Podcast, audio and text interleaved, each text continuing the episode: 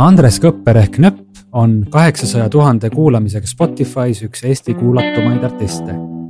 lisaks muusikale on ta edukalt tegutsenud ka filmimaailmas.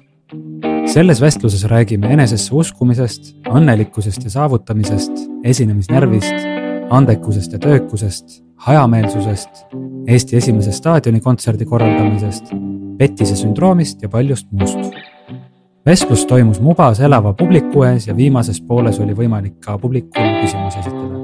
head kuulamist. tere tulemast.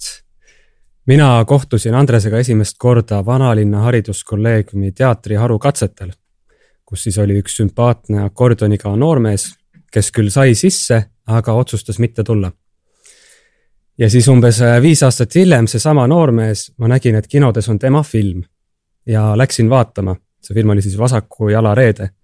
ja see ei olnud äh, mitte lihtsalt film, mis jõudis kinodesse, vaid see oli ka väga hea film. Eesti tipptasemel näitlejatega ja hoidis tähelepanu, et see oli tõesti minu arust tõstis isegi latti Eesti kinos. ja nüüd aastal kaks tuhat kakskümmend kolm on Andresel esimene staadionikontsert tulekul Eestis. et sa oled väga palju jõudnud teha, see on imetlusväärne ja mind huvitab, et kuidas saab ühest poisist akordioniga esimene inimene, kes Eestis staadioni kontserte annab. ja võib-olla esimene küsimus selle jaoks on äh, seoses enesesse uskumisega. ja ma üldse ei õngitse praegu seda vastust, et sa ütled, et enesesse uskumine on väga tähtis. aga mind pigem huvitab, et kas sa oled, äh, kas sa uskusid, et midagi sellist võib juhtuda elu jooksul? kas see on sind üllatanud äh,? Nojah, ei, kui ma mõtlen äh, tihtipeale noh, see sõber Arun, kellega me tegime koos Masukale reede, mis on lapsepõlvesõber, kellega me käisime esimesest klassist, käisime koos koolis. temaga me oleme tihtipeale rääkinud seda, et noh, et päris lahe on mõelda, et noh, et mingisugune neljanda klassi Nõmme põhikooli Arun ja Andres, kes äh, ma ei tea, hängisid kuskil Nõmmel ja, ja, ja, ja ma ei tea, viskasid paugukaid kuskil onju, et siis, et ma arvan, et oleks päris lahe mõelda äh, selle peale, et, et noh, et kunagi et tegime selle sihukese filmilaadse asja. ja, ja et noh, et praegu tema siis tegutseb mõnusalt seal reklaamimaailmas ja teeb ka tegelikult, hakkab uusi filme tegema. et kindlasti ma arvan, et äh, väikse Andresena oleks väga lahe mõelda selle peale. aga otseselt ega ma, jah ähm,. see on huvitav küsimus ähm, aga kui konkreetsemalt vastata, siis tegelikult vasakule reede ajal äh,. kui ma, ma mäletan, ma monteerisin äh, seda filmi äh, oma magamistoas põhimõtteliselt ja siis äh, mäletan, see oli sihuke pooleaastane protsess. ja siis ma selle pooleaastase protsessi ajal tegelikult äh, mängisin suht palju klaverit, ma ei olnud otseselt muusikuna väga ennast äh, teostanud, et niimoodi pulli pärast olime teinud ansambel Meelikut siis äh, viisteist aastat tagasi aga see oli ikka kõik. Ja siis ma mäletan seda, et ma laulsin ja mõtlesin, et noh, et, et tegelikult noh, kirjutasin mingeid lugusid, mõtlesin, et tegelikult, et see võiks ju nagu toimida küll, et ma nagu mäletan, et äh, mingi sisetunne oli küll. et ma mõtlesin, et, et tegelikult, et see võiks olla lahe, et see, mis ma teen, aga noh, kui sul ei ole võib-olla kellegi kolmanda arvamust, siis tõesti on raske olla selles mingisuguses uskumuses või mm, sisetundes nagu kindel. Äh, Lähme tagasi natukene, et anda inimestele kontekst, et äh, milline su kasvukeskkond ja pere oli, et kustkohast sa pärined? ma olen kasvanud ja elanud Tallinnas äh,. mul äh, selles mõttes suhteliselt musikaalne pere, et, et vanaisa oli mul koori äh,, koorilaulja äh, ja, ja, ja, ja, ja isa ja ema, noh, ema on mul siiamaani äh, laulab kooris ja seega äh, muusikakooli minek oli nagu sihuke no-brainer enam-vähem mm.. kuigi mul vanem vend ja vanem õde ei käinud muusikakoolis, ma ei tea, mis, kes neid sellest päästis. aga, aga jah, ma käisin ja siis ähm, ma õppisin seal klaverit äh, eelkoolis ja, ja siis oligi sihuke seis, et ähm, kuna minu klaveriõpetajal tegelikult oli äh, see äh, nii-öelda algava kooliaasta maht oli täis et Richard-Erik Järvi, ma mäletan, sai nii-öelda selle tema, minu koha justkui endale. siis mina, mul oli valida, et kas ma jätan sama klaveriõpetaja ja valin endale peaerialaks mingi muu pilli või siis saan uue klaveriõpetaja, siis ma olin öelnud, et ma tahan, et mul oleks sama klaveriõpetaja, siis ma miskipärast valisin akordioni. Mm. hakkasin akordionit mängima, üldse ei viitsi muusikakoolis käia äh,. mõtlesin ennast, ma arvan, pidevalt haigeks, sellepärast et ei peaks minema sinna ja nii edasi, selles mõttes äh, muusikakooli käimise ajal ma mitte kunagi ei mõelnud selle peale, et ma võiks hakata muusikuks. pigem oli see sihuke tüütu kohustus, mida ma lihtsalt tegin äh,. aga põnevaks läks võib-olla minu jaoks siis, kui ma enam-vähem, kas olin juba lõpetanud või mitte, aga siis ma võtsin ükskord venna kitarri, hakkasin selle peal järsku lugusid kirjutama ja siis kitarri peal muutus minu jaoks muusika järsku loogiliseks mm. -hmm. et enne seda oli see lihtsalt, ma loen mingeid noote ja mingisuguseid, ma ei tea Bachi sonaat või mis iganes asja ja siis ma lihtsalt ei, ei viitsinud ja siis ähm, kui ma hakkasin ise muusikat kirjutama, siis see nii-öelda äh, läks minu jaoks huvitavaks. sul on äh, mitu venda õde? mul on üks vend ja kaks õde. aa ah,, okei okay., paljulapselises peres siis mm. -hmm. aga kas sul olid mingisugused eriti head võimalused elus või oli see selline tavaline Eesti?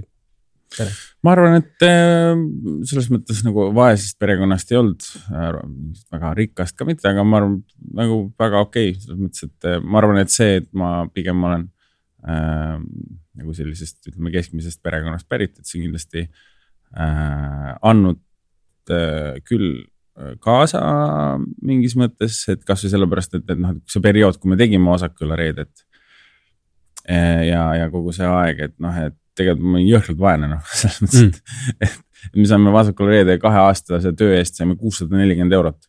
No, päriselt? jah et selles mõttes äh,. mis no, see siis et, tunni palgaks teeb?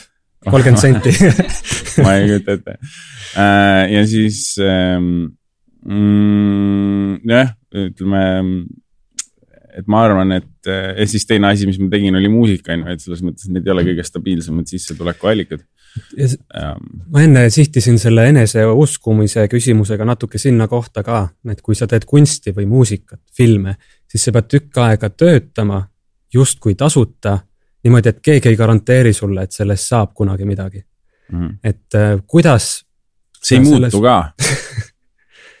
Absoluutselt ei muutu, see on see minu arust kõige huvitavam asi, no kindlasti, okei okay,, et kui, kui sa oled juba mingi Rihanna või Calvin Harris või mis iganes, no kind-, noh, mis iganes pasa sa välja annad, noh, keegi ikka kuulab ja sa ei pea muretsema, on ju. aga noh, ma arvan, et sellisel tasemel, kus äh, oleme, noh, mina praegu on ju, et, et siis ikkagi no kindlasti no, mingisuguse eelduse annab, on ju, mingid Instagrami jälgijad ja särki-värki aga ikkagi kogu aeg on see nullist ehitamine, et sa võid nagu äh, panna ilgelt tööd anda mingi albumi sisse või mingi uue loo peale, aga noh, garantiid on nagu ikkagi null mm. -hmm.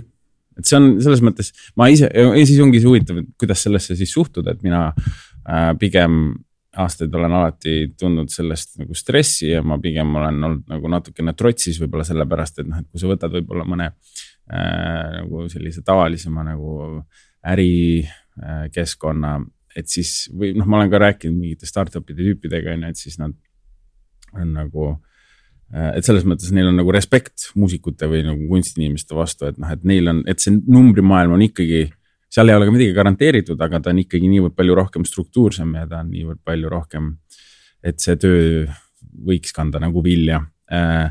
aga, ja see nii-öelda see ähmasus või äh, Äh, see, et miski ei ole garanteeritud, on pigem olnud midagi, mida, mis mul pole, pole meeldinud. aga mõned aastad tagasi ma olin kuskil, ma ei tea, kirjutamislaagris, mis iganes kuskil välismaal ja siis üks tüüp oli. davai, see on mu lemmikasi, vaata, aeg algad uuesti ja siis sul on aeg uus võimalus ennast tõestada, siis ma olin nagu hmm.. davai, noh, sa võid ka enda jaoks selle niimoodi ära mõtestada, et, et sul ongi võimalik ennast aeg uuesti tõestada, jah. jah, aga kas sa oled pidanud mingit teist tööd tegema vahepeal või mõtlema, et kust järgmine palk tuleb? Või oled saanud loominguga tegeleda? ainukene päris laadne töö, mis ma kunagi tegin, oli, ma müüsin äh, kaheksateist aastasena, ma läksin siis, hakkasin LHV-d müüma ah.. mulle tehti pensionifond, ma olin just kaheksateist saanud, polnud kuulnudki, mis asi see on ja siis selle müügitöö lõpuks, mis see tüdruk mulle seda müüs, ma ütlesin lõpuks, et kuule, aga ma tahaks ise ka seda tööd teha, mis sa praegu teed. ja ma saingi selle töö ja siis ma. vahetasite riided ära? Eh, no põhimõtteliselt oli see, et eh, kõrvalt tuli üks tüüp, üks Madis, ütles, et tere noormees, et anna mulle oma number ja ma sulle helistan, vaata. Mm.. ja, ja siis helistas järgmine päev ja siis, kui ma läksin sinna kohale, eh, et ma arvasin, et on töövestlus, ma teadsin, et kolm või kaks kandidaati on veel, kaks kandidaati on veel. ja, ja siis ma panin ülikonna selga, olin valmis, et ei pean ennast näitama ja olema nagu lahe. Ja siis tuli välja, et juba hakati näit-, rääkima meile, et kuidas see töö käib, ehk siis juba oli töö olemas aga mm, siis äh, jah, siis mingi aeg läksin BFM-i samal ajal umbes. ja siis, kui ma läksin Barcelonasse õppima nagu siis ülikooli teisel aastal, siis ma tulin sealt ära. vahepeal jõudsin Reformierakonda ka müüa, müüa, müüa äh,. kõige parem näide oli siis see, et hommikul tegin TLÜ eest, tegin mingisugusele tüdrukule, noh siis kutsusin äh, Reformierakonda, sain hakkama, siis kella kolmest läksin Kristiine keskusesse, nägin teda seal ka, siis tegin talle LHV-ga tundub, et sul on selle müügitööga väga hea suhe, mis äh, tihti muusikutele tundub võib-olla selline natukene manipulatiivne või midagi, mis on hästi häiriv või ebameeldiv nende jaoks. kuidas sa ise suhtud reklaamindusse ja müümisesse um,? igatpidi ma mäletan, kui ma olin ähm, noor ja eriti kui ma õppisin näiteks Barcelonas, ma õppisin videodisaini. siis ma mäletan tol hetkel minu jaoks reklaami, et mulle hullult meeldisid reklaamid, ma tegelikult natuke unistasin sellest, et ma saaksin töötada reklaaminduses. Ähm, ja siis me hakkasime seda Vasakule reede projekti ajama ja siis oli kõrval oli Arun, keda reklaamid tegelikult üldse ei huvitanud, kuigi ta teeb siiamaani neid, aga noh, ta oli rohkem see filmi, filmi peal. aga mulle selles mõttes nagu juba siis tol hetkel mulle väga meeldis äh, nagu mõelda välja mingisuguseid äh, lühi selliseid äh, ma ei tea, tagline'e või, või noh, et mis võiks olla mingisuguse reklaami slogan või midagi sellist et eh, tegelikult mulle on meeldinud sellega tegeleda, reaalsuses mulle reklaami business'is ei meeldiks töötada režissöörina, sest see on nagu tüütu ja siis inimesed ei julge midagi teha ja nii edasi. aga enda müümisega on ikka keerulisem jah, eh, läbi huumori meeldib seda teha ja, ja, ja eks see eestlaslik selline ähm, noh, tagasihoidlikkus on ikkagi sees ka, mis puudutab just võib-olla sellist face to face enda müümist, selles ma olen, ma arvan, tohutult halb ja mm., ja, ja ikkagi ma arvan, et see imposter syndrome, nagu öeldakse, on ju, noh, see kannab väga tugevasti mind ka äh,. aga kui see läheb võib-olla selliseks, et läbi mingisuguse reklaami või mingisuguse naljamüüa, et siis see, see osa mulle nagu meeldib, et selles mõttes sihuke lõhestunud suhtumine sellesse. väga huvitav, ma tahan selle imposter syndrome'i juurde hiljem tagasi tulla. aga enne veel äh, muusiku ja artistina on kõiksugu viise, kuidas oma aega kasutada. ja mõned nendest on viljakad ja mõned on, tekitavad illusiooni, et ma justkui tegin midagi, mis mind edasi viis, aga mis tegelikult üldse ei aita. sinu kogemusel artisti, muusikuna, mis on sellised tegevused, mis on hea ajakasutus ja mis on aja raiskamine? raske öelda just rääkisin eile, ma sõitsin eile, käisin Norras ühe ma ei tea, saate värgis filmis tegime, sõitsime lauda, surfasin, Arctic Surfi tegin esimest korda. sõitsin tagasi ühe tüübiga, kes on noh, ma ei tea, rets, miljonär nii-öelda, ülichill vend äh,. ärimaailmas ennast väga hästi tõestanud, hästi palju arutasime ka seda teemat, noh, et kuidas ärimaailmas toimuvad ja, ja kuidas toimib nagu kunstimaailm. ja siis meenutasin ka erinevaid hetki, näiteks vasakule reede ajal hästi kaugelt hakkan pihta praegu. Mm.. vasakul reede ajal. et äh, kui ma käisin BFM-is, siis meil oli üks äh, loeng Hagishainiga, kus me pidime tegema mingisuguse dokumentaali või mingi lühifilmi, mis iganes asja. Ja kuna ma olin seal LHV-s kogu aeg, siis ma ei olnud väga hea grupikaaslane, siis mind veits söödi ühest grupist välja. ja siis ma mõtlesin, et davai, ma teen siis lihtsalt mingi lühifilmi. Ja tegin, tegime siis kahe kursakaaslasega seda lühifilmi ja ma mäletan seda hetke, et kui ma kahekümne või kahe ööpäeva jooksul magasin seitse tundi, sest ma monteerisin seda täiega, et saada seda valmis. jällegi minu magamistoas, mul kursavend oli taga, ma mäletan nokkis. siis ma mingi hommikul kell neli teen, mondin selle asja, mõtlen, et nagu miks ma seda teen, see on nagu aja raiskamine, see on lihtsalt nagu mingisugune üks ähm,, üks mingi noh, koolitöö on ju. siis lõpuks oli see, et seesama film, mis me tegime. Lühifilm ei ole midagi erilist, aga tänu sellele me saime Vasaku üle reede, üks tüüp mm. nägi Šveitsis, nägi seda ja siis pakkus meile seda, siis ma mõtlesin, okei okay,, noh, et ju siis sellepärast ma pidingi seda tegema. nüüd hiljuti äh,, ma ei tea, Tiktokis tegin ühte videot äh, Jenna Ortegaga, kus ma siis võtsin tema mingi intervjuu, selle baasil tegin mingisuguse loo hullult äh, jebisin sellega, põhimõtteliselt kaks päeva tegin videot ja enne seda veel ühe päeva tegelesin selle lauluga. ja siis selle video seal green screen'iga jukerdan seal teen, onju mõtlen nagu, nagu millele ma aega kulutan. noh, et see ei ole, selles mõttes, et see ei jõua ju mitte kuhugi, selles mõttes, et. ja noh, selles mõttes on siiamaani noh, mu kõige populaarsem video Tiktokis, see läks üli, noh, minu kohta läks väga hästi, ma arvan, mingi kuskil nelisada tuhat vaatamist Tiktokis, mis minu jaoks on nagu chill ja siis jällegi mõtled, noh, et see on lahe, et, et, et, et tegelikult mingis mõttes see pingutus nagu tasus ennast ära mm. -hmm. ehk siis tegelikult selle tegemise hetkel on nagu raske hinnata, kas äh, nagu tasub ennast ära või mitte, sest see on tihtipeale ikkagi mingi gamble. aga äh, teistpidi on jälle see, et äh,, et kui ma rääkisin eile selle tüübiga, kes on nagu ärimaailmas väga pilunud, et noh, et kogu tema nii-öelda viis, kuidas tema toimib, on hästi operatiivne, et ta sellistesse ähm, Äh, oper-, äh, ongi, et tema nagu sellistesse igapäevatoimetustesse proovib mitte kinni jääda, et kui on mingi idee, mida ta alustab. et siis ta kindlasti leiab mingisugused tüübid, kes teda, tema ideed töötavad edasi, siis ta vahepeal check ib, kuidas nendega läheb. et noh, et, et, äh, et lihtsalt aja kulu efektiivsuse mõttes. Ja sama asi on näiteks mul, et kui ma toon enda kohta paralleeli startup maailmas näiteks või kus iganes äh, ärimaailmas on ju. et siis ma olen CEO of Noep Music on ju. ja siis ma olen vahepeal, äh, samal ajal olen ka programmeerija Mm -hmm. ja siis noh, et, et kujutad ette, et sa oled nagu ärimaailmas, siis sul on mingi CEO, kes järsku võtab neli päeva, programmeerib mingit koodi, on ju. et selles mõttes ilmselgelt see äri ei jõuaks väga kaugele. Et siis äh, ma olen nagu mõelnud küll korduvalt selle peale, et noh, et kasvõi see, et ise võib-olla mix imine, mida ma nüüd viimased aastad olen jälle teinud. et see ei ole ka nagu aja või kulu, ajakulu efektiivne, sest see võtab palju aega, ma ei ole professionaalne miksija äh,. aga mulle jällegi meeldib, see lõhestatus jällegi yeah. on see, et, et mis oleks kasulik äh, nii-öelda Nööpi brändile ja mis on see, mis mulle endale meeldib teha. et selline mm -hmm. lõhestatus tegelikult on kogu aeg, et mulle meeldib teha neid After Effectsi asju ja, ja, ja mix ida ja produda ja nii võib-olla mulle ei meeldi käia praegu kuskil välismaal mingite tüüpidega kirjutamas on ju ja siis ma ei tee seda. samas nagu ma tajun sisimalt noh, et, et tegelikult tõenäoliselt seal tuleksid sellised kasulikud.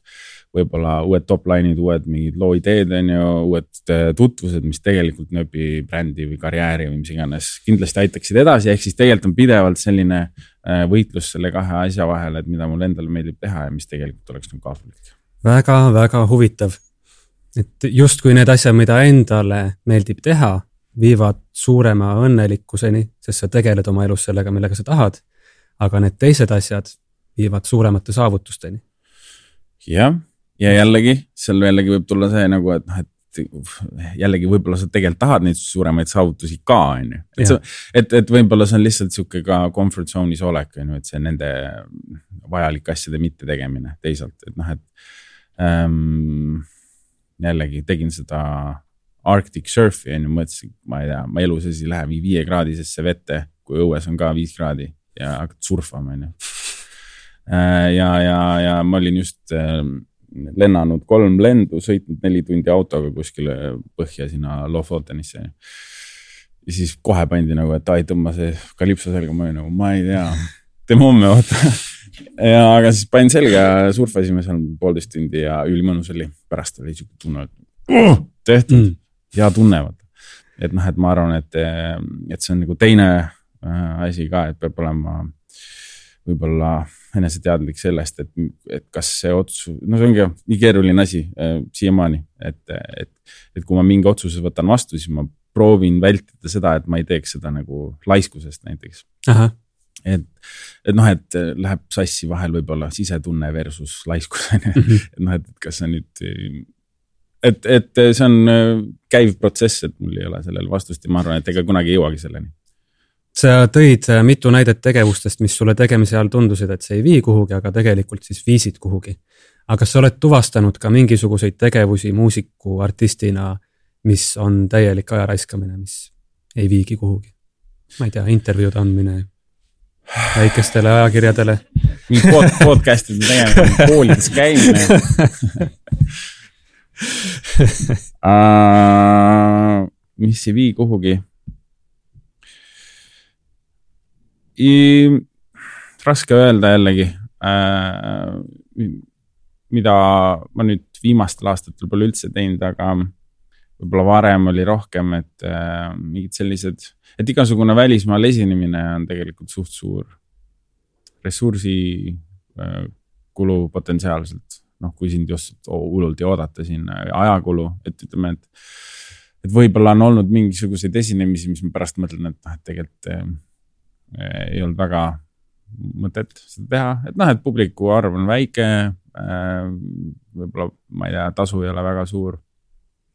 Saad mingi kogemuse, okei okay,, saad võib-olla seal mingi seitse fänni juurde, onju. Mhm. aga noh, et ma, mulle tundub, et ka paljud Eesti artistid kuidagi teevad seda suhteliselt palju, et nad teevad selliseid sutse palju.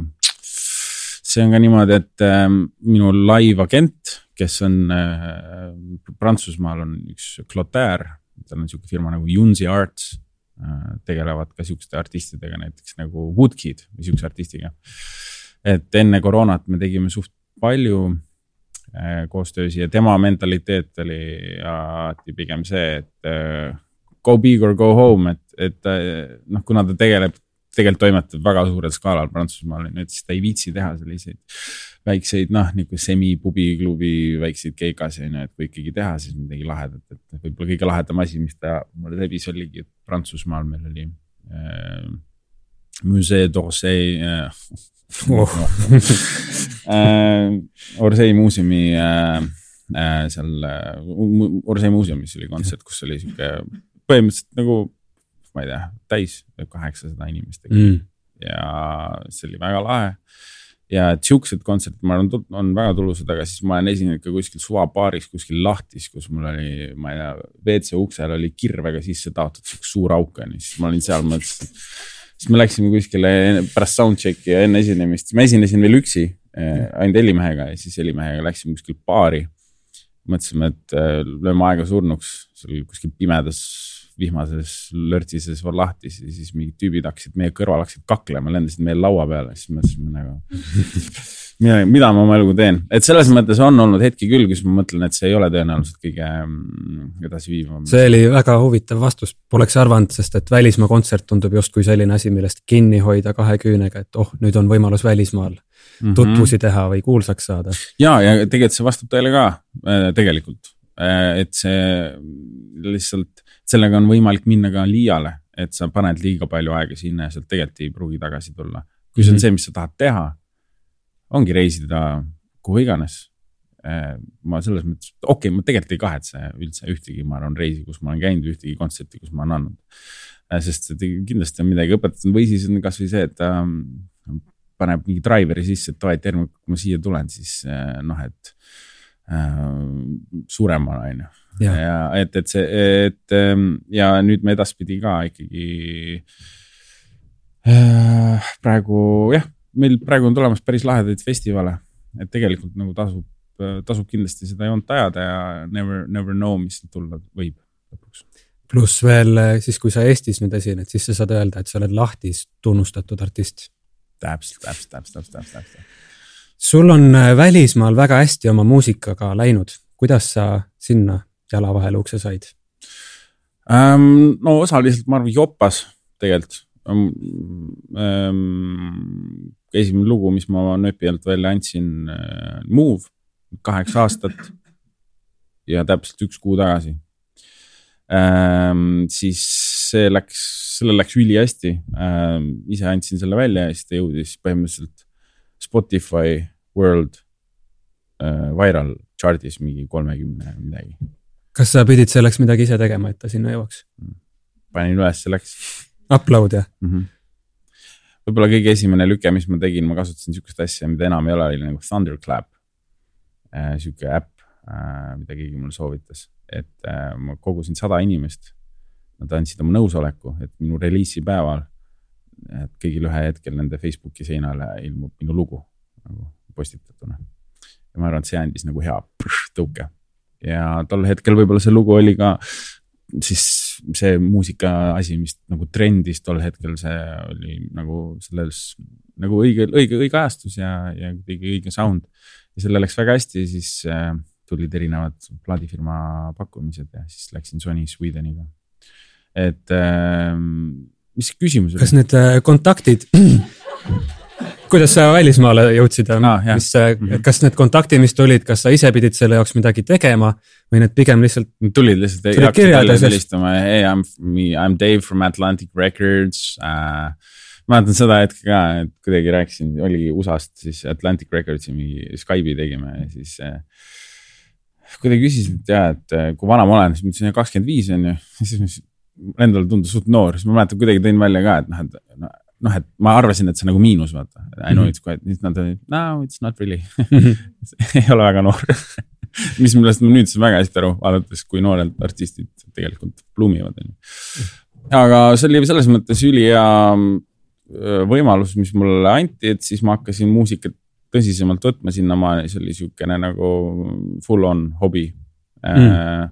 ja ongi naljakas on see, et noh, et ühe kõige populaarsema loo ma olen noh, selles mõttes nagu noh, ma arvan, skill set oli palju väiksem kui praegu ja nii edasi, aga lõppude lõpuks emotsioon on see, mis seal sees on, mis nagu tegelikult loeb, mis selle edukuse sellele loole on nagu toonud, on ju. Ehm, mingi hetk jätsin reklaami tegemise pooleli või noh, nulli hakkasin full on muusikat tegema sada protsenti. ja see oli hästi ebaproduktiivne aeg, et mm. ongi, et see pingutus või see töö, mis sa sisse paned, alati ei pruugi üldse midagi vastu tuua. väga äh, huvitav, ma just mõtlesin küsida selle otsuse vastu, et sul oli siis äh, reklaamitöö mm, -hmm. elu töötas, aga siis olid, et ma tahan nüüd ühte asja elus teha, ma pühendun ainult muusikale mm. -hmm. tagasi vaadates, milleni see otsus viis ja kas sa soovitad kellelgi, kes on praegu sarnases olukorras elus siin noortest muusikutest, samasugust otsust vastu võtta, pühenduda ühele asjale? ja jätke oma kindel leib kõrvale ja hakake ähm,. ja no sisetunde case küll kindlasti mm,. mul selles mõttes nööbiga juba läks tol hetkel, äh, ma arvan, ma olin siis teinud äkki kaks või kolm aastat ähm,. nööpi, kui ma selle täiesti kõrvale, aga no mingi hetk oligi see, et see reklaami asi läks ka hästi.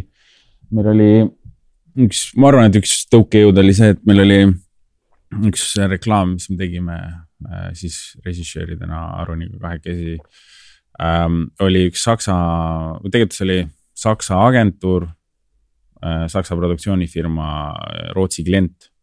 üks äh, Recent Chocolate, chocolate mingi reklaam äh, ja siis me küll filmisime seda Eestis, aga hästi palju pre-production meeting uid pidime tegema Hamburgis ja seal see post-production oli seal ja kõik sellised asjad ja siis samal ajal mul oli veel mingid festivalid ja mingid esinemised, kus ma pidin minema.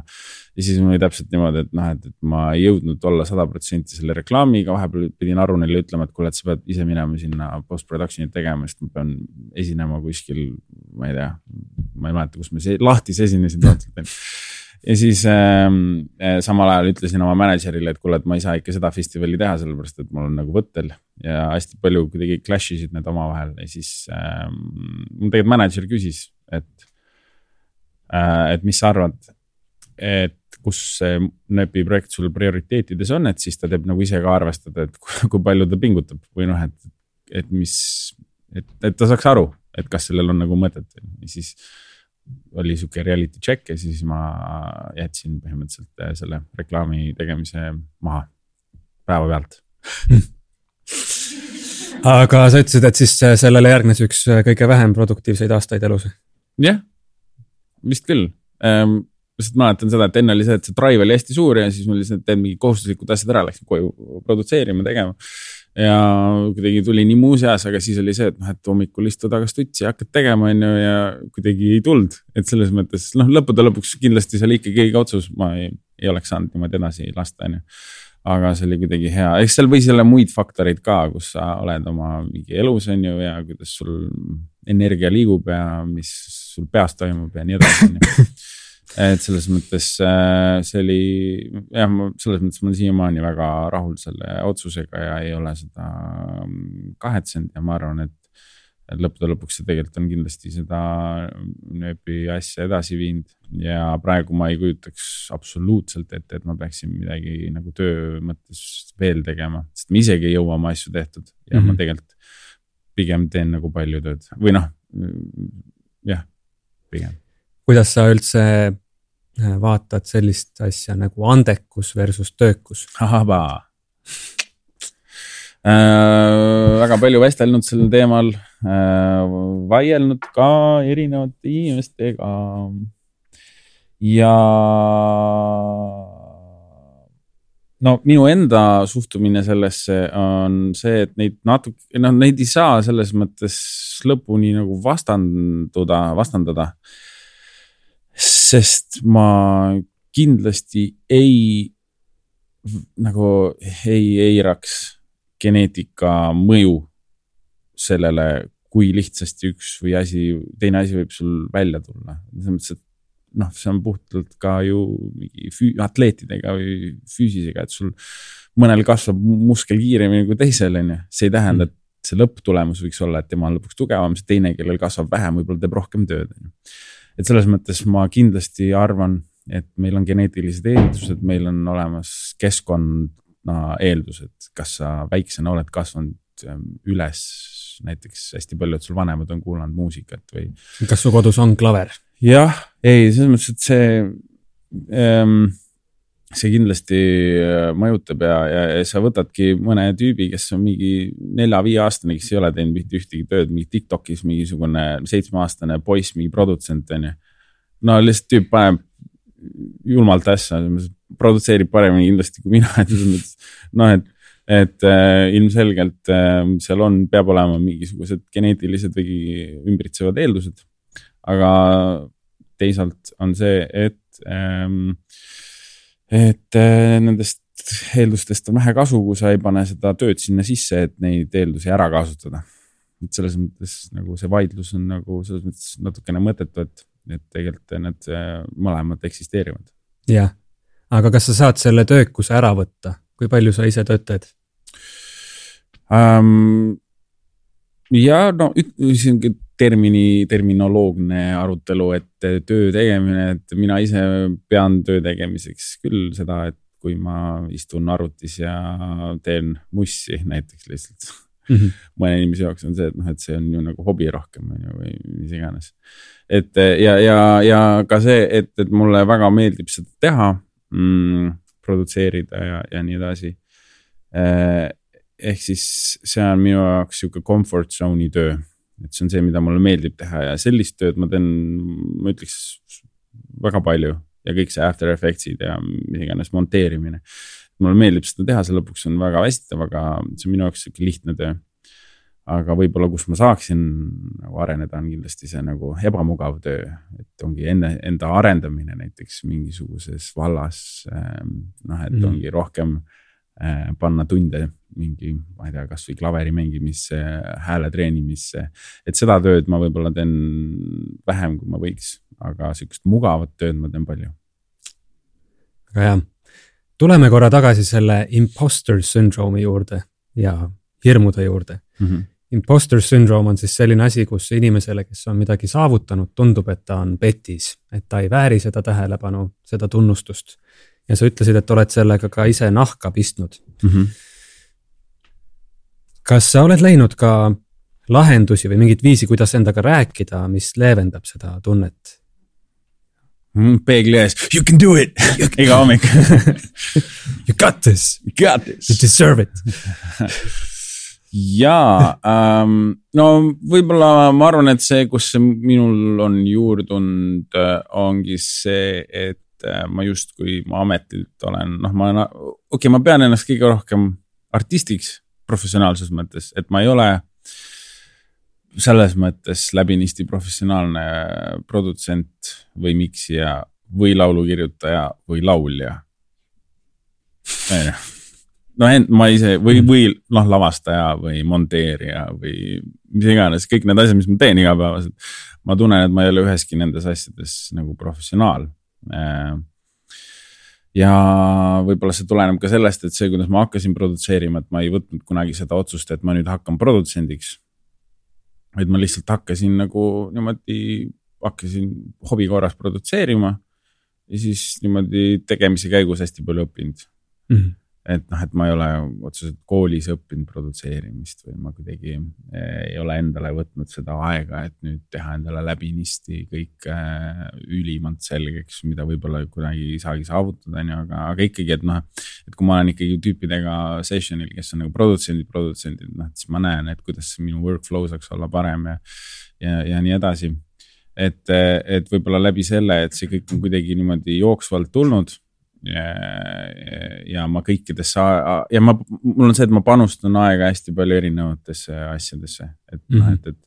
et ongi, et ma ei ole igapäevaselt produtsent, vaid mul võib vahepeal olla kaks kuud, et ma ei produtseeri ühtegi asja ja siis ma tegelikult teen mingi. ma ei tea, muusikavideot ja käin hoopis esinen kuskil ja nii edasi, et siis on nagu loogiline, et mul see level ei saagi olla nii kõrge kui mõnel tüübil, kes teeb seda kakskümmend neli seitse. ja kui see, kuidas noh, et, et see imposter syndrome ongi võib-olla nendel hetkedel, kui äh, minule viidatakse kui produtsendile näiteks või ma ei tea, või laulukirjutajale või ma pean täitma näiteks mõnel laulukirjutamissessioonil seda rolli, et ma olen produtsent või laulukirjutaja. või ka tegelikult artist, okei okay., noh, siis on see, tuleb see laulja aspekt mängu, et ma ei ole nagu nii enesekindel laulja, et noh, et, et kui keegi laulab mulle keerulise meloodia ette, et siis ma võin olla nagu mm ma olen täiesti andetu selles et selles Aga mõttes, et need, need imposter sündroomid, imposter sündroom lööb jah sel, sellistel hetkedel välja, kus ma tunnen, et ma tegelikult ei ole nagu sellel alal professionaal. jah, et siin on nagu see paradoks, et sa justkui oskad kõike teha mm, -hmm. aga igas nendes valdkondadest on keegi, kes on sinust parem mm. -hmm. ja sind peetakse selle valdkonna eksperdiks juba mm -hmm. see on kogu aeg sihuke tunne, et mm -hmm. tegelikult ma võib-olla ei oskagi midagi teha mm. -hmm. kui just selles oskuses, et ühendada need eri aspektid mm. -hmm jah, ongi noh, erinevad inimtüübid justkui mingisuguse info põhjal, et on sul spetsialistid ja on need generalistid või ma ei tea, mis see termin oli. et noh, et kui ma näiteks võrdlen ennast selle, selle ärihaiga äh,, kellega ma eile tripisin või üleeile, kaks päeva järjest. et siis ähm, noh, et ma sain aru, et temal on ka äh, see sihuke üld üldasja, üle, üldpildi joonistamise võime, on ju, et ta ei ole noh, otseselt spetsialist võib-olla enamikel aladel, millega ta firmad tegelevad, aga ta nagu oskab leida enda jaoks need inimesed, kes on spetsialistid ja, ja oskab näha võib-olla mingisuguseid lahendusi, mida teised ei näe ja nii edasi, et võib-olla see artisti oskus ongi hea ka, kui sa näed neid võimalusi ma mingil hetkel hakkasin Youtube'ist vaatama Sam Altmani intervjuusid, kes on OpenAI omanik. see on siis see, kes tegi chat-GPT. ja ta ütles, et startup ides on tihti see, et alguses need founder'id või CEO-d on ise need, kes koodivad ja kes tegelevad selle tehnilise poolega. aga nii kui sul see startup tööle läheb, siis sa ei saa seda enam teha, siis sa pead hakkama suhtlema inimestega, sa pead seda üldprotsessi juhtima. ja seda oli hästi lohutav kuulda sest ka muusikuna tundub, et kohe, kui asi hakkas natuke paremini minema, kui tulevad esinemiskutsed, äh, intervjuud, meediaasjad. et siis justkui ei saa enam keskenduda sellele, et ma nüüd mängin pilli ja kirjutan lugusid ainult, vaid see on nii palju seda muud, mida peab seal ümberringi tegema mm. -hmm. ja see on okei okay. mm. -hmm. jah, see on selles mõttes hea paralleel jah mm. -hmm. see on põhimõtteliselt nagu ma enne ütlesin, et ma olen see CEO, kes vahepeal programmeerib, on ju, aga yeah aga, aga peab tegema ka muid asju. kuidas sul muusikaga üldse see workflow on, kellega sa koos töötad ja mis sinu roll on lugude kirjutamisel, mida sa delegeerid? no ma viimased niimoodi paar aastat olen pigem kirjutanud üksi, äh, sest tuli sihuke tunne, et äh, tahan äh, kirjutada rohkem üksi äh, aga mingid aastad enne seda ja alguses need esimesed, ma arvan, paar-kolm aastat ma enamasti kirjutasin üksi ja siis vahepeal oli selline periood, kus ma kirjutasin just hästi palju koos teistega. ja see oli väga arendav äh, periood kindlasti. ja, ja pff, järjest tekkinud igasuguseid tuttavaid ja läbi mu management'i, kes on pannud mind kokku erinevate näiteks laulukirjutajate ja produtsentidega. Ja see olenebki sellest, et mis, et kui, kas, kas ma kirjutan üksi või ma kirjutan kellegi teisega, et tihtipeale, et kui ma kirjutan kellegi teisega ja oleneb, oleneb ka sellest, et mis mu enda roll on, kas ma olen lihtsalt top-liner ehk siis ma kirjutan meloodiaid ja sõnu kellelegi teisele või ma kirjutan endale. ja, ja, ja, ja nii edasi, et äh, ma arvan, et ma väga pikalt olin selline laulukirjutaja, et minu jaoks oli A ja O oli nagu see story. et, et võib-olla, kust ma tundsin ennast nagu sellistes äh, kooskirjutamise hetkedel ma tundsin võib-olla seda, et mina olin tavaliselt see, kes äh,. kes, et ma valisin selle, noh, et ma olin see kontseptsiooni kokkupanija, et ma kirjutasin hästi palju nii, et kõigepealt mul oli vaja leiutada kuidagi mingi kontseptsioon ja siis kuidagi selle terviku haldamine on see, mis on olnud minu äh, pärusmaa ja, ja võib-olla, et kui keegi andekas laulja laulab mingi meloodid onju, et siis ma lihtsalt tajun ära, mis mulle meeldib, mis mitte ja siis nii-öelda noh, oskan nagu öelda, et davai, kasutame seda ja ärme seda kasuta, sest see on nagu liiga lääge mm. ja nii edasi mm,. kui ma üksi, üksi kirjutan, siis see protsess on ka aastatega eri nagu muutunud. et mis ennast on parasjagu drive inud, et äh, alguses ma kirjutasin hästi palju klaveril, et oligi Denfoldi aegel niimoodi, et siis ma kirjutasin äh, klaari peal istusin maha, kirjutasin lugusid ja siis hiljem või ka Move on sündinud klaveri peal ja hiljem ähm, produtseerisin selle, siis äh, leidsin nagu mingid sound'id, et seda tervikut siis kokku panna arvutis.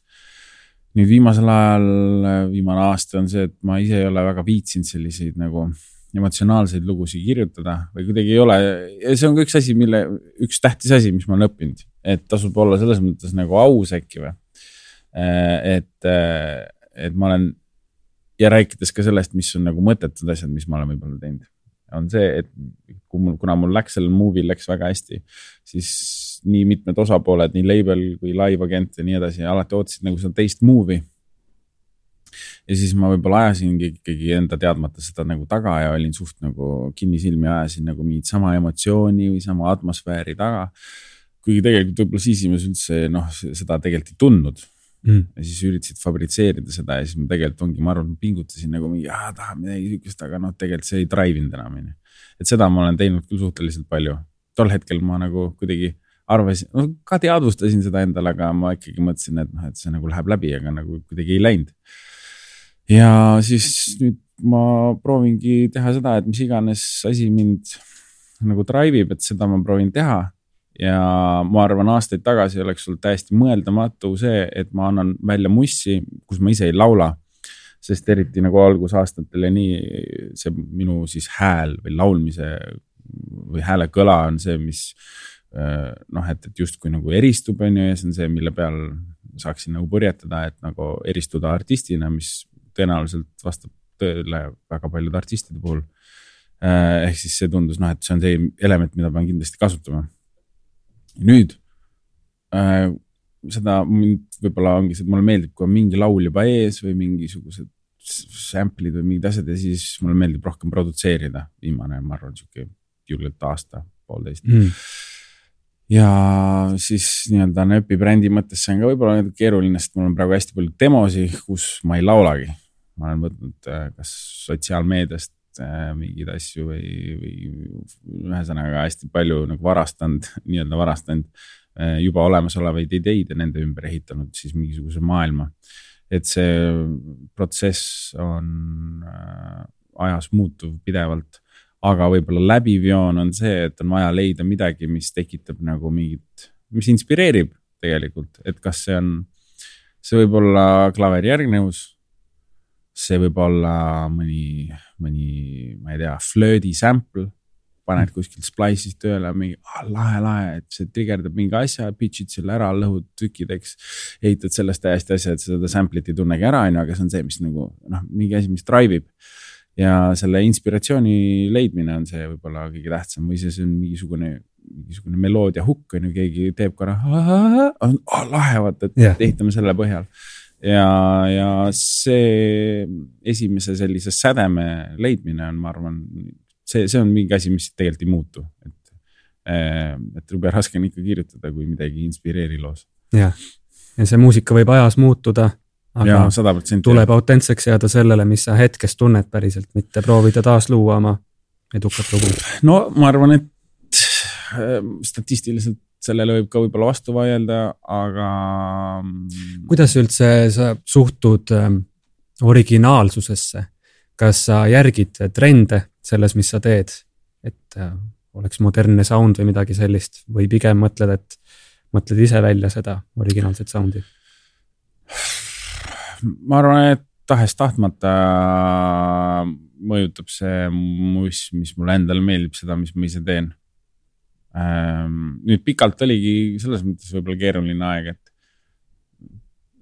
ma arvan, et sihuke julgelt neli-viis aastat oli ikkagi see räpp ja trap ja kogu see muss oli see, mis prevalveeris igal pool. See on õige sõna, on ju.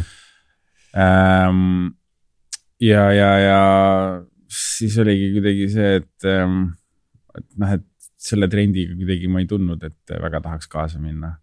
Nagu pulli pärast ma ühe loo tegin, oli TV, mis oli sihuke, aga see oligi sihuke nagu naljaga räpilugu Mm -hmm. äh,. aga noh, nagu et, et, et see ei olnud, aga nüüd ma tunnen jälle, et võib-olla sihuke nööpile sobilik ajastu on uuesti käimas ja ma loodan, et see liiga kiiresti ei, ei muutu, ongi sihuke house ja ja nüüd ongi, võtad siuksed artistid, noh, ma ei tea nagu Fred Again või, või, või, või ongi see Fortet ja Bonobo ja, ja tüübid on ju, et sa nagu tajud ära, et.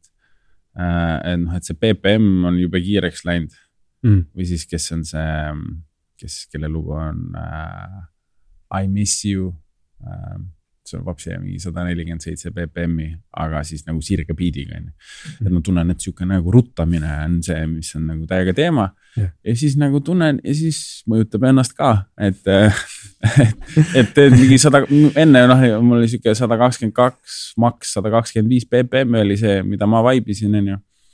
välja arvatud eelmine plaat, mis ma tegin, oli üldse siukene alla saja kahekümne sihuke Keitronada, Anderson Paagi sihuke põks on ju. Et kindlasti noh, et alati on nagu mingi referents, mis sa saad võtta ja siis nagu proovid leida selle, et, et noh, et mis on siis see. mis on siis, et seda ma mõtlen võib-olla aastatega üha rohkem, et okei okay,, et, et see niisama noh, kopeerida ei viitsi on ju, et, et mis see siis on siis, et, et. et mis see julgus seal track'i taga võiks olla, et ta on nüüd täitsa nagu uudne, aga liialt palju ka ei mõtle, lihtsalt vaatad, et oleks nagu lahe Jah. Aga kindlasti mõjutavad selles mõttes, see on nagu, ma ei tea, moega ka, et otseselt ei jälgi, noh, et ma ei vaata mingisuguseid meeste fashion ajakirju, et mida endale selga panna, on ju. aga ma arvan, et sa näed lihtsalt, tarbid mingit asja, et eh, nüüd on populaarne mingisugune asi, on ju, ja siis tõenäoliselt mõne aja pärast see on sul poes olemas ja siis ostad selle. et ma arvan, et mussiga on nagu natuke sarnane Mm -hmm.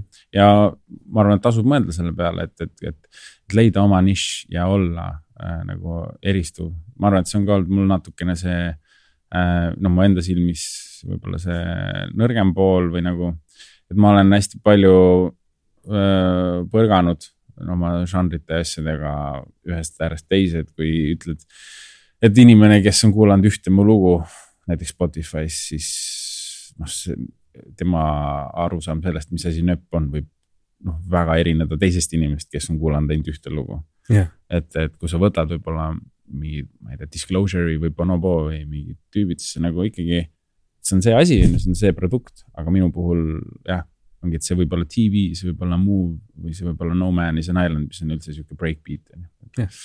aga jällegi selle teema lõpetuseks, mul on sellest kergelt ka nagu pohhui, et äh, vabandust, et, et äh, jah, see on, oleks teine asi, mis jällegi kuidagi, et ei viitsi ka seda ühte sama asja lõpuni teha ja võib-olla see produkti, kui nööpi produkti edu ei ole nii tähtis, et ma nüüd ei teeks seda asja, mis ennast drive. mis sind äh, motiveerib ja miks sa teed seda, mis sa teed? Ehm, see motiveeriv äh, faktor on asi ka, mis on aastatega ikkagi nagu käinud üles-alla, et ähm,. Mm, et mingi periood oli väga motiveeriv see, et ikkagi kirjutada mingi hitt ja et see oleks noh, et, et noh, et nööpi projekt justkui saaks kuulsaks, on ju.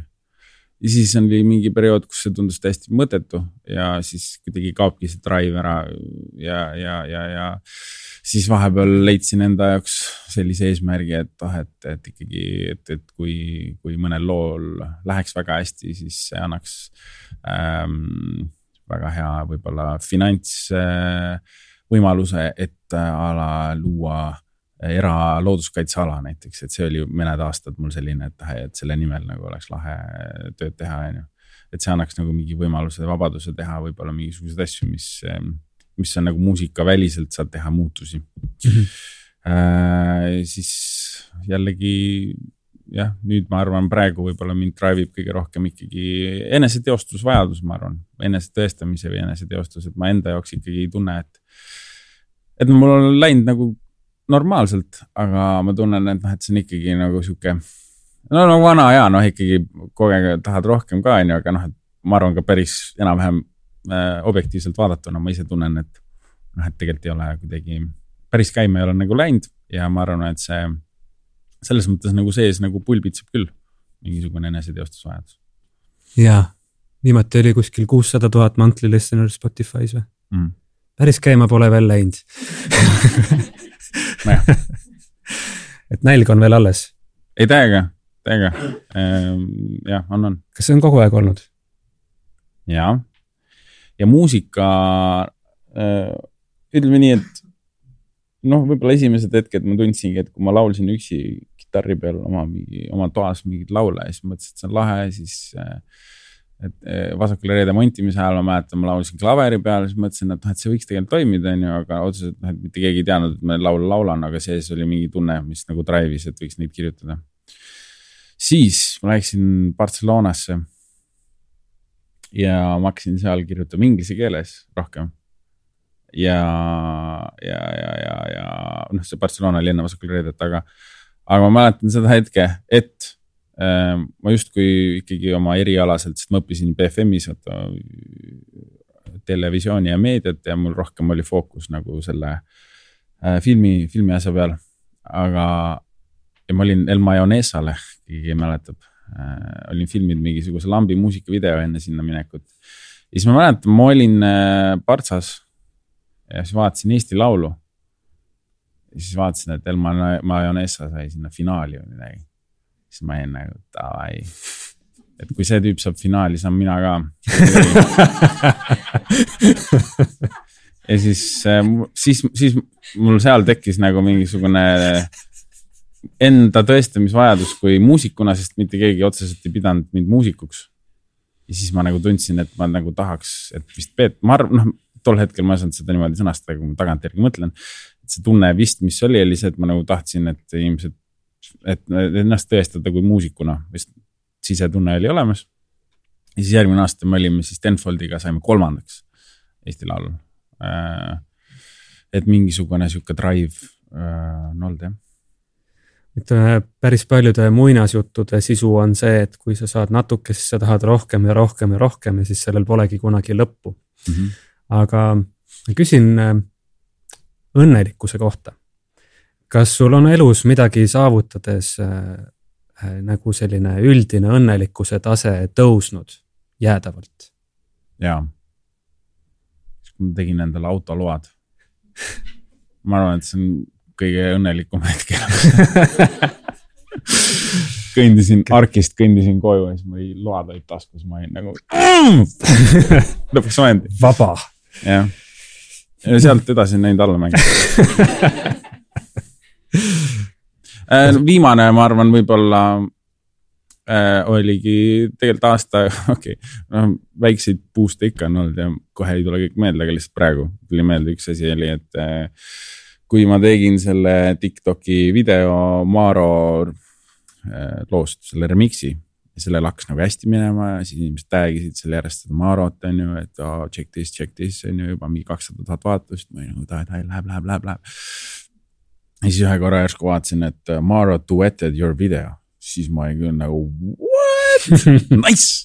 ja siis äh, oligi, tema siis pani selle, oligi duetis seda videot ja pani enda seinale ja sellel läks ka nagu väga, see on tema kõige vaadatum video Tiktokis by far.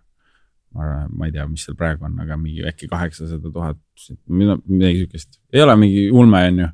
aga noh, minu jaoks nagu suur. ja siis äh, see oli küll tunne, mõtlesin, et nagu lahe, nägigi ja meeldib ja, ja nagu tuus, et seesama tšikk, kes just oli Eurovisioonil mingisugune kolm päeva tagasi, et see nüüd tegi selle, et see oli mm -hmm. nagu lahe tunne küll. ja siis nüüd ongi naljakas on see, et nüüd noh, et see lugu tuli välja ja läbi selle aasta suhteliselt palju temaga suhelnud et algul tema tahtis seda reliisida, siis tal, ta oli siis Quincy Jones'i äh, management'i all äh, USA-s. Quincy on siis legendaarne mänedžer, näiteks Michael Jackson või hiljuti ka Jacob Collier on tema all olnud mm. -hmm. ja siis ähm, tema management tõmbas siis mingi ploki peale sellele ikkagi alguses. ja siis läks pool aastat läks mööda ja siis ta kirjutas mulle, et kuule, et ma nüüd äh, läksin oma selle, et ta ei olnud rahul sellega, tuli ära sealt management'i alt. ja siis hakkasime nagu mõtlema, et võiks ikkagi release ida ja siis, siis leppisime kokku, et võiks tulla nüüd uuesti Eurovisiooni ajal.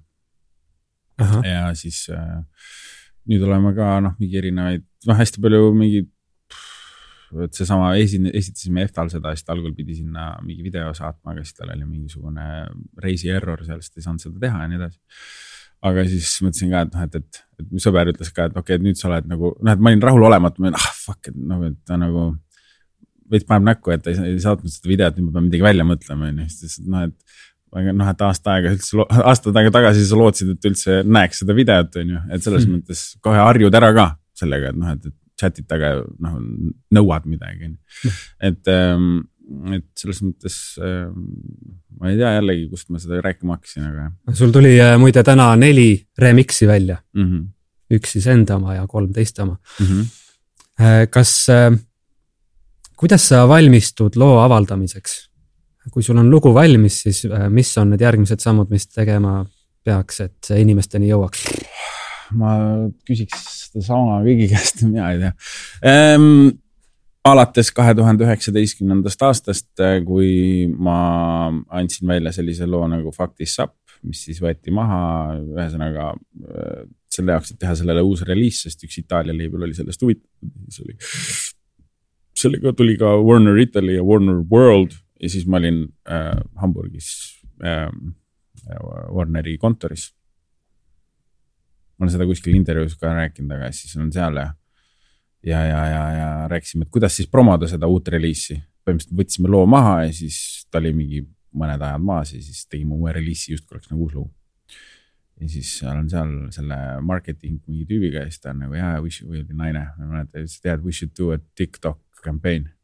siis ma kuulsin esimest korda seda sõna ja siis küsisingi, et nagu tik what kas yeah. see on see kahe kaloriga asi või ja siis oli esimest korda, kui ma kuulsin sõna TikTok ja et TikTokiga võiks mussi promoda ja pärast seda see sõna ei ole mitte üheski label'i miitingust mitte kunagi puudu olnud.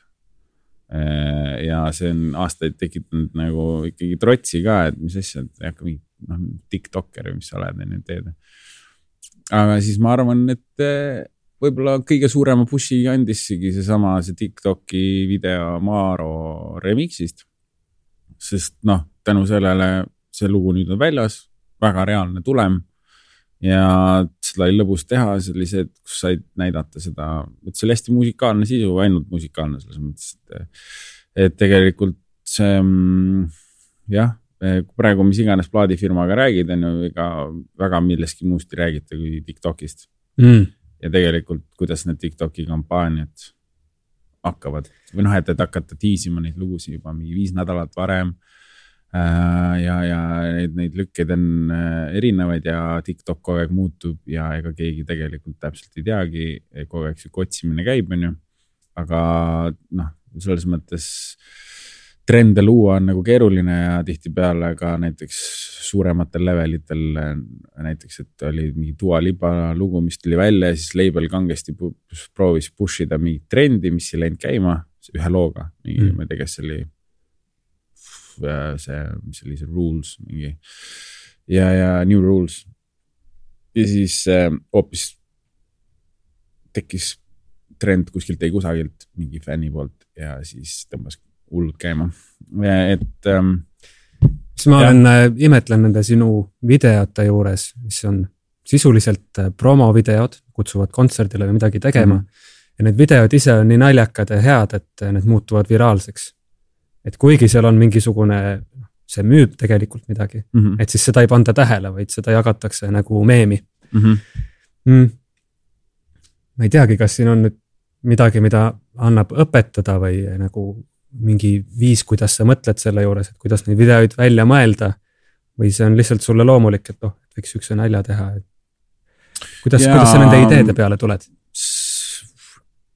noh, üks hea näide oli nüüd, ähm, tegime, ma olin mingid osad need videod juba teinud ja siis õhtusaate produtsent Marili pöördus mulle, et kuule, et võiksime teha kolm videot äh, või noh, näiteks kolm videot, kus ma kasutaks ka Robbie ja äh, Jüri ja Piretit.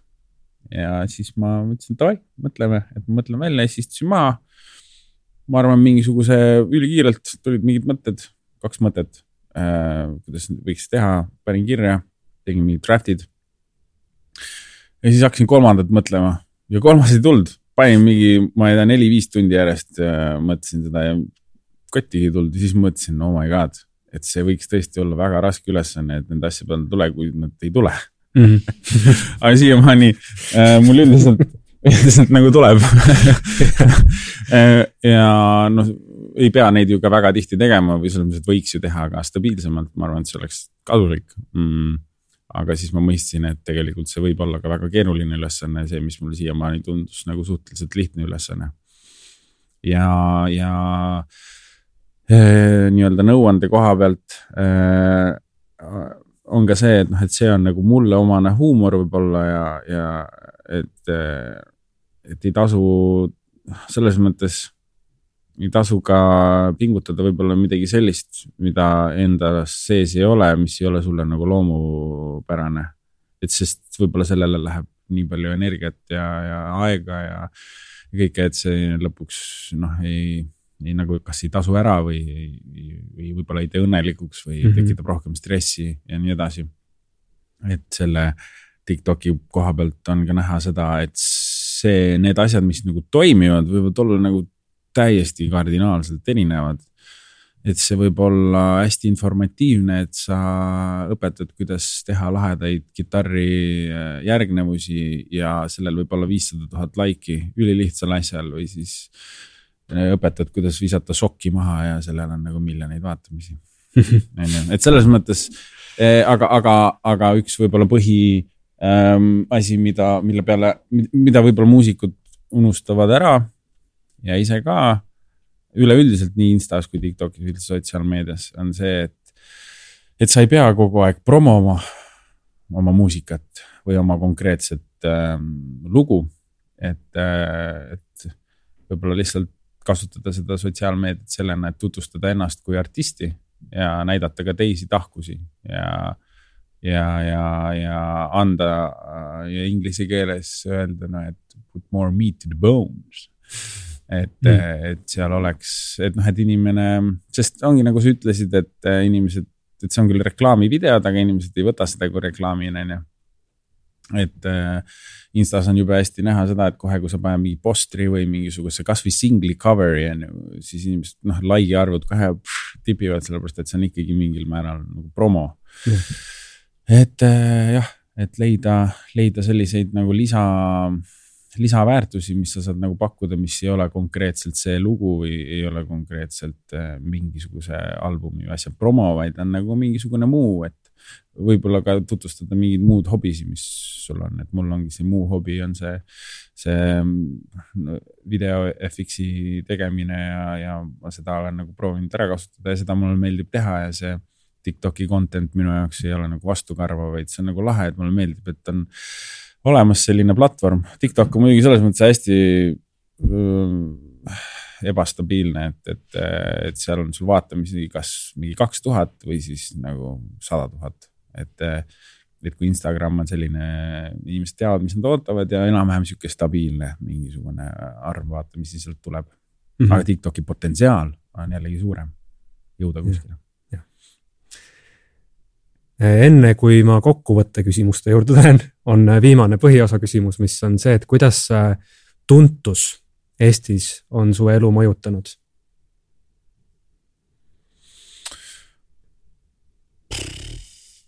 Äh, ma ei tea, Eestis on suht chill ikkagi, kuidagi Eestis ei ole vaata nii väga mingit staari värki või vähemalt mina ei ole. saad tänaval kõndida? ja, ja, ja käin, ma olen kuulnud nagu osade, noh, kes on nagu võib-olla vana, vanakoolikamad staarid, et neil on ikkagi keeruline Selveris käia ja nii, aga. Ma siiamaani olen üritanud natukene hoida ka, eriti algusaastatel ma ikkagi proovisin seda, et tuntud oleks nööpi bränd ja mitte minu nägu. et ja mitte Andres Kõpper, vaid nagu nööp oleks see, mida inimesed teavad, inimesed teavad mussi ja noh, näod lähevad ikka veits meelest ära, aga no ütleme, viimastel aastatel on veits läinud lappama ikkagi, et äh, et see noh, praegu selle staadioni kontserdiga ka ma tunnen, et äh, ma pärast seda arvatavasti ikkagi äh, muutun eraklikumaks, et, et äh, tõenäoliselt me paneme veel rohkem postreid, asju, kus igal pool on minu nägu, pluss mingid ads'id ja asjad, on ju. et see enda näo ja asja ekspluateerimine mul ei ole kunagi väga meeldinud ja ma olen olnud kategooriliselt vastu igast nagu ajakirja nende Äh, esikantele. sest ma lihtsalt näen seda ja siis mul lihtsalt tekib see imelik, mulle, mulle ei meeldi see tunne mm., näha ennast kuskil. Ja siis nüüd ikkagi ma kuskile sponsorilepingusse kirjut-, panin allkirja alla, mida ma ei lugenud korralikult läbi, nii et ma Anne Stiili cover'is pean, ikkagi olema. see õppetund, et tuleb lepingud läbi lugeda. sügav kaastunne aga ma vaatan, äkki mul õnnestub seda ka kuidagi nagu teha enda pärasemaks rohkem, et, et hmm? Franz läheb jah nagu mm.. kusjuures, tegelikult seda võib mõelda. ja, ja, aga see on päris lahe tegelikult mõte. staadionil pead selle mõõga ja kildiga. ja, ja, ja aga kas sul on veel selline asi nagu esinemisnärv või avaldamisnärv? ja, ikka. esinemisnärv võib olla täiesti lampi kõige väiksemal kontserdil, kus on teada kakskümmend inimest, see võib, see on kõige närvesöövam isegi mm. -hmm. et noh, mingi erapidu on näiteks mingi firma. aga mis tegelikult äh, üldse närvi tekitab ja ma ise olen analüüsinud äh, või mis tekitab mul esinemisnärvi, on igasugune teadmatus Äh, ja teadmatus selle ees, et noh, et, et see publik, kes siin on, on ju, et kas, kas sa oled seal oodatud või ei ole. Näiteks kas okei okay,, kas on mõni lugu, kas sa tead, kas kahtled, kas tuleb välja või ei tule. Äh, või kas arvuti peab vastu või ei pea näiteks või mingid noh, mingid sellised asjad, et soundcheck'i ajal arvuti viskas mingisugust freeze'i korraks on ju, siis ma olen enne esinemist, ma olen sellepärast närvis, et ma loodan, et et ma ei pea mingit back-up arvutit kasutama. Windows update tuleb enne teist lugu. jah täpselt, et ähm, siis teinekord on, ma ei tea, kolme tuhande inimese ees kontsert ja tead, et oled seal oodatud ja ma ei tea, kõik süsteemid ilusti jooksevad ja lähed leval peale, ei ole nagu väga, on niisugune pigem elevus. vahel on see, et on nagu ärevus teinekord on see hästi sarnane tunne, mis on elevus, et sa nagu lihtsalt ootad, aga see on nagu sihuke positiivne ärevus. kas sul on mingeid trikke, kuidas ärevus elevuseks muuta? ei ähm,. ei ole, aga keskendumine on ikkagi tähtis enne lavale minekut äh,. Ma mäletan seda juba põhi või noh, kui ma käisin, õppisin akordionit ja esinesin, siis äh, mul olid mingid sõbrad noh, akordionimängijatest sõbrad on ju, siis tegime mingit palli ja siis lähed lavale, vaata, siis pea on sassi, siis hakkab mängima ja siis kuidagi noh, ei ole fokusseeritud ja siis läheb sassi, siis ma mäletan, akordioniõpetaja ütles, et. et enne lavale minekut on ju, et sa kindlasti pead alati võtma selle hetke ja, ja nagu keskenduma sellele, mis sa nagu tegema hakkad. et see tegelikult aitab küll ähm,. Et see ei pea olema isegi väga pikk hetk, aga enne esinemise minekut nagu korraks äh, tood ennast nagu hetke. Ja meil on mingisugused füüsilised äh, mingid äh, liigutused, mis me oleme enne lavale minekut teinud küll, eriti mingi aeg, ma mõned aastad tagasi puutusin selle Wim Hofi äh, asjaga kokku ja tegin veits mingisuguseid või Qigongi mingisuguseid harjutusi. aga need on kõik sellised noh äh,, ma ei tea, poolnaljaga, aga, aga mis ikkagi jah, võib-olla toovad mõtte ära sellest, et sa ei mõtle selle peale, millist Lamborghinit osta ja nii edasi Wim Hof on siis äh, hingamisharjutused. teadupärast või siis külm vann. jah, jah, seal on kolm aspekti on nagu äh, hingamine, cold exposure ja siis äh, mentaalne. keskendumine mm. -hmm. Mm -hmm. keskendumine on sul läbi elu hea olnud, sa oled seda arendanud kuidagi ka? Inimesed ikka räägivad selle, see populaarne termin on ju, et see, mis on siis attention disorder, ADHD või yeah.? ja noh, ma muidu olen olnud väiksest peale ilge udu ikkagi ähm,. no ma ise üllatan ennast pidevalt, sa ei kujuta ette, noh, ma arvan, et ma õpin midagi ära. et ma oskan seda ennetada ja siis aju jälle üllatab millegagi ähm,. hea näide oli mõned nädalat, kuud tagasi äh, mul oli äh, esinemine ja ma ei saanud sound'i minna äh,, sest mul oli mingi asi, midagi vaja teha. üldiselt ma olen, käin ise sound'is ja teen. siis ma olin davai, ma nüüd valmistun selleks, bussi, noh, bändi bussi võtmed on seal, davai, seal on olemas, seal pš, koodid olemas, kõik on nagu valmistatud, on ju. siis ma olen äh,, ah, mul oli photoshoot, staadioni äh, kontserdi photoshoot ja siis keset photoshoot'i vaatan, helimees saadab sõnumi, et arvuti jäi sinu kätte. siis ma nagu fuck. panin selle takso peale, sõitsin ära, mõtlesin, noh, et kuidas nagu lihtsalt oled nagu, ei davai, nüüd, nüüd ma ei eksi, nüüd ma ei eksi ja läheb. ja mul on selles mõttes, ma nagu liialt palju ei muretse selle pärast, kui nagu see niilsuse mõttes, et. et ma olen väiksest peale selline olnud, et ma olen jätnud oma mingeid dresse korduvalt niimoodi, et eh, dresse jätnud bussi kunagi jalutasin Nõmme peal sõpradega ringi, siis õde tuleb vastu ja õde nagu, kuule, et sul on klaverieksam praegu, siis ma nagu. et selles mõttes seda, seda on, seda on olnud küll või siis kuni ma arvan kaheksateist, üheksateist, siis õde laenas mulle autot. sõitsin sellega Nõmmele ja sõitsin bussiga koju. unust-, unustasin ära, et ma läksin autoga sinna, et selles mõttes. Äh, et, et, et ja mul aju kogu aeg ikka üllatab mind ähm,. saad augustis kõne, et kuule, sul on staadioni kontsert praegu, et. jaa. Ah,. ma mängin kossu praegu see võib olla niimoodi, et see toimub, on ju laupäeval, et minu jaoks on need ka tihtipeale erinevad asjad, üks on asi on üheksateist august ja teine asi on see laupäev. Mm.. ma olen laupäeval vaba. Et see on, see on küll, äh, aga ma isegi ei ole pahane. Ma ei ole isegi pahane enam enda peale, et just mõtlen ja ei, väga lahe, väga põnev, põnev on mm. -hmm räägime sellest staadioni kontserdist ka natukene, et kõigepealt äh, üleskutse, et kõik, kes siin on, kõik, kes kuulevad seda hiljem, et äh, tulge kindlasti, kutsuge kõik oma sõbrad. see on taasiseseisvunud Eesti esimene staadionikontsert Eesti artistiga mm. -hmm. väga laheda muusikaga, väga laheda show'ga, väga lahedaga, lahedaga kas saad natukene seda staadioni kontserdit kirjeldada ja selle korraldamise protsessi kirjeldada?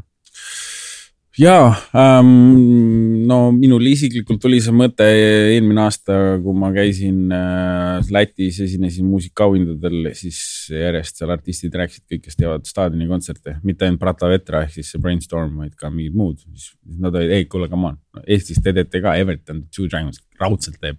ma ütlesin, ei tee, mitte keegi ei tee siis mõtlesin, noh, et tegelikult oleks lahe, et ega ei saa lätlastest kehvem olla. Äh, ja siis mul tegelikult ka tehnilise tiimi kaudu tuli see mõte, et Timo valgustaja pakkus välja, et kuule, et what if on ju, siis mõtlesin jaa, what if. ja siis ta niimoodi kuidagi tuli mitmest otsast ja siis äh, millalgi sügisel me otsustasime, et võiks teha.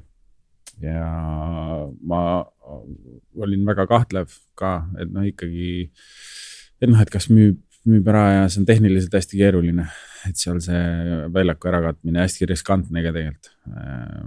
igatpidi finantsiliselt ja tehniliselt. kes maksab? no põhimõtteliselt äh,.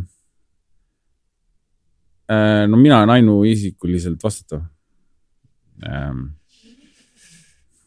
palju pileteid müüa vaja, et nulli tulla? No me ei tea veel, oleneb, kui uhkelt me teeme, arvatavasti me, mis iganes, palju me müüme, siis ikkagi on nulliring.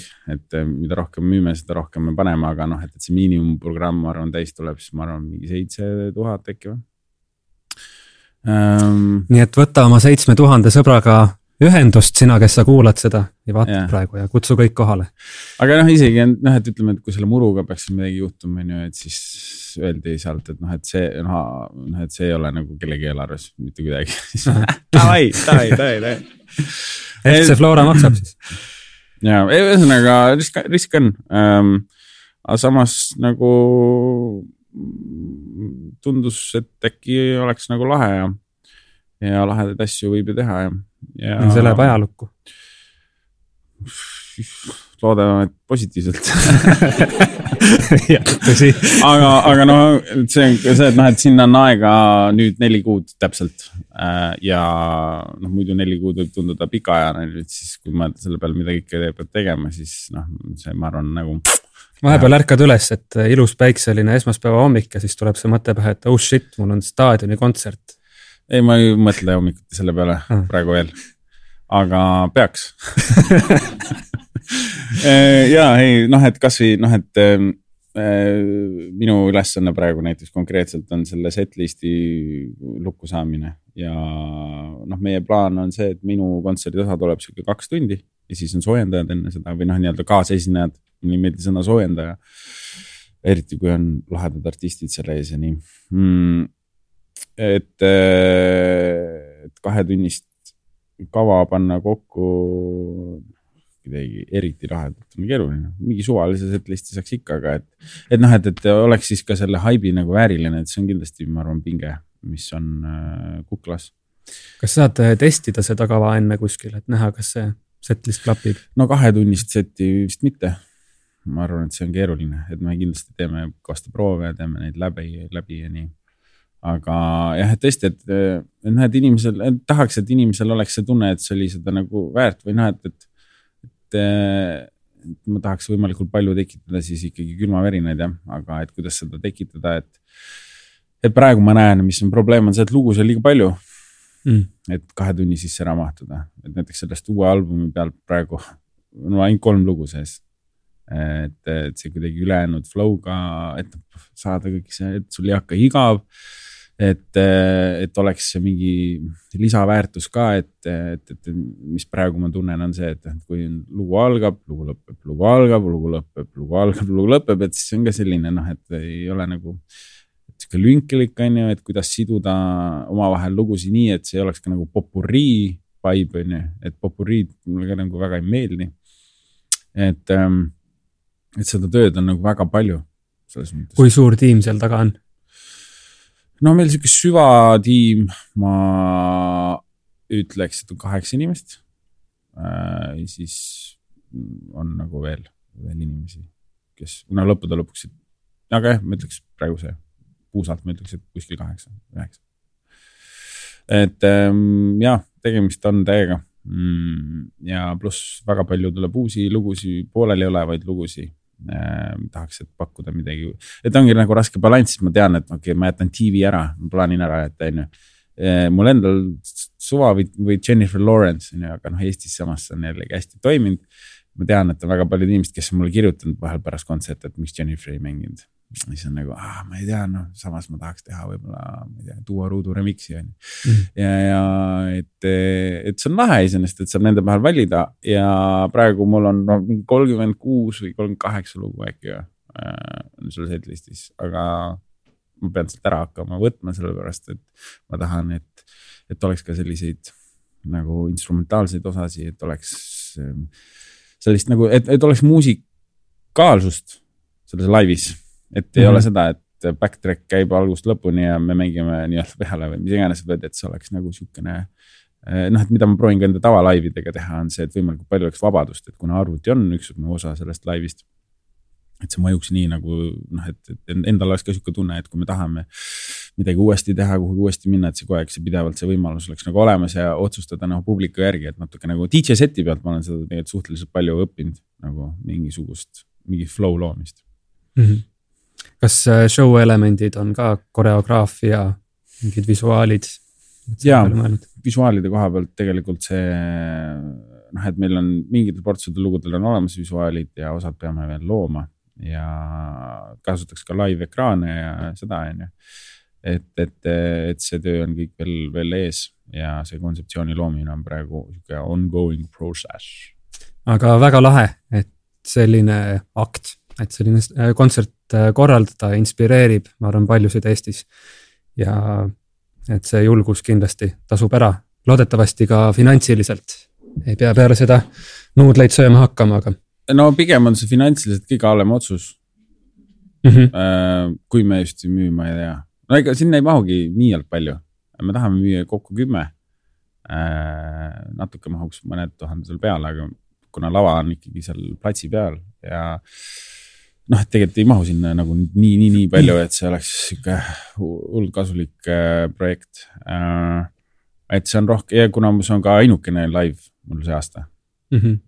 et selles mõttes noh, eraüritus ja nii on, on ju, aga, aga avaliku üritusena see on ainukene esinemine. ma usun, et niimoodi piiride nihutamine, et teha midagi, mis võib-olla ei olegi kasumlik, mis ei ole turvaline. et see on lihtsalt kunstile nii hea, et see annab nii palju juurde, et keegi on valmis mm -hmm. enda naha mängu panema ja riskima sellega, et pakkuda midagi, mida justkui ei ole võimalik äh, arvutuse põhjal pakkuda. jah, kõik siuksed era, enda korraldatud kontserdid, me oleme teinud selle põhimõttega, et need ei ole need raha teenimiskohad. Äh, näiteks esimene suur kontsert oli, me tegime kaks kontserti järjest, oli Kultuurikatlas kaks tuhat kaheksateist äh, koos Juensoga no mhm. orkestriga mõlemad tehtud ja see ei ole ka otseselt väike kulu, on ju, kuigi alati inimesed on pigem koostöövalmid. ja meil oli seal noh, nii palju LED-i, et seal ei olnud nähtudki nii palju LED-i põhimõtteliselt, et. et selles mõttes see produktsiooni level on alati olnud niimoodi, et, et oleks ikkagi nagu jah, mingisugune väärtus selles, et et ma arvan, et kõige parem eh, raha teenimisprojekt oleks ikkagi akustiline tuur või midagi, nii et kui ma teen akustilist tuuri, siis on teada miks tõsi. Okei okay,, äh, viimased küsimused mm. -hmm. milliseid soovitusi on sul alustavatele artistidele ja laulukirjutajatele? Mm, kunagi Ago Tempand ütles mulle, et äh, ma olin mingis loos vist äkki kinni või kuidagi, ma ei mäleta, ütles, et noh, et tegelikult on see, et sa pead lihtsalt kirjutama ja kirjutama ja kirjutama, et äh,. et ma mäletan, kui ma andsin välja Tenfold Rabbiti teise albumi.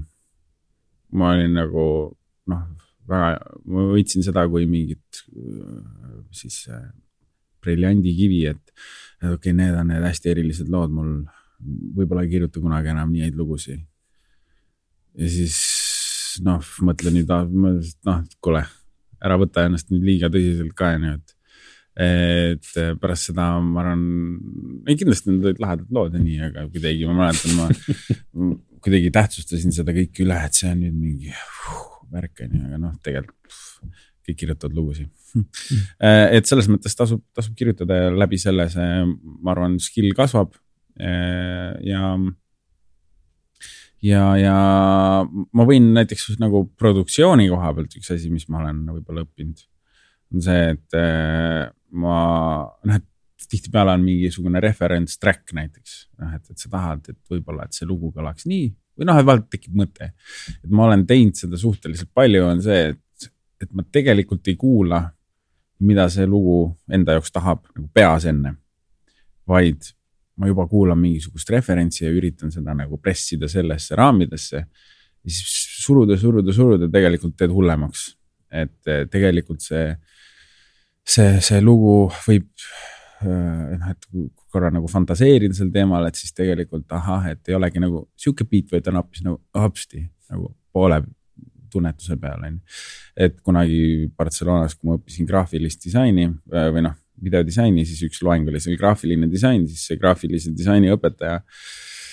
mis ta ütles, et tema jaoks nagu sellise tööeetika A ja O äh, on see, et, et ta soovitas kindlasti mitte teha, on see, et, et ära, et kui sul tuleb, ma ei tea, mingi firma ja tahab, et disainiksid talle logo, siis kindlasti ära mine kohe Photoshopi ära hakka midagi katsetama.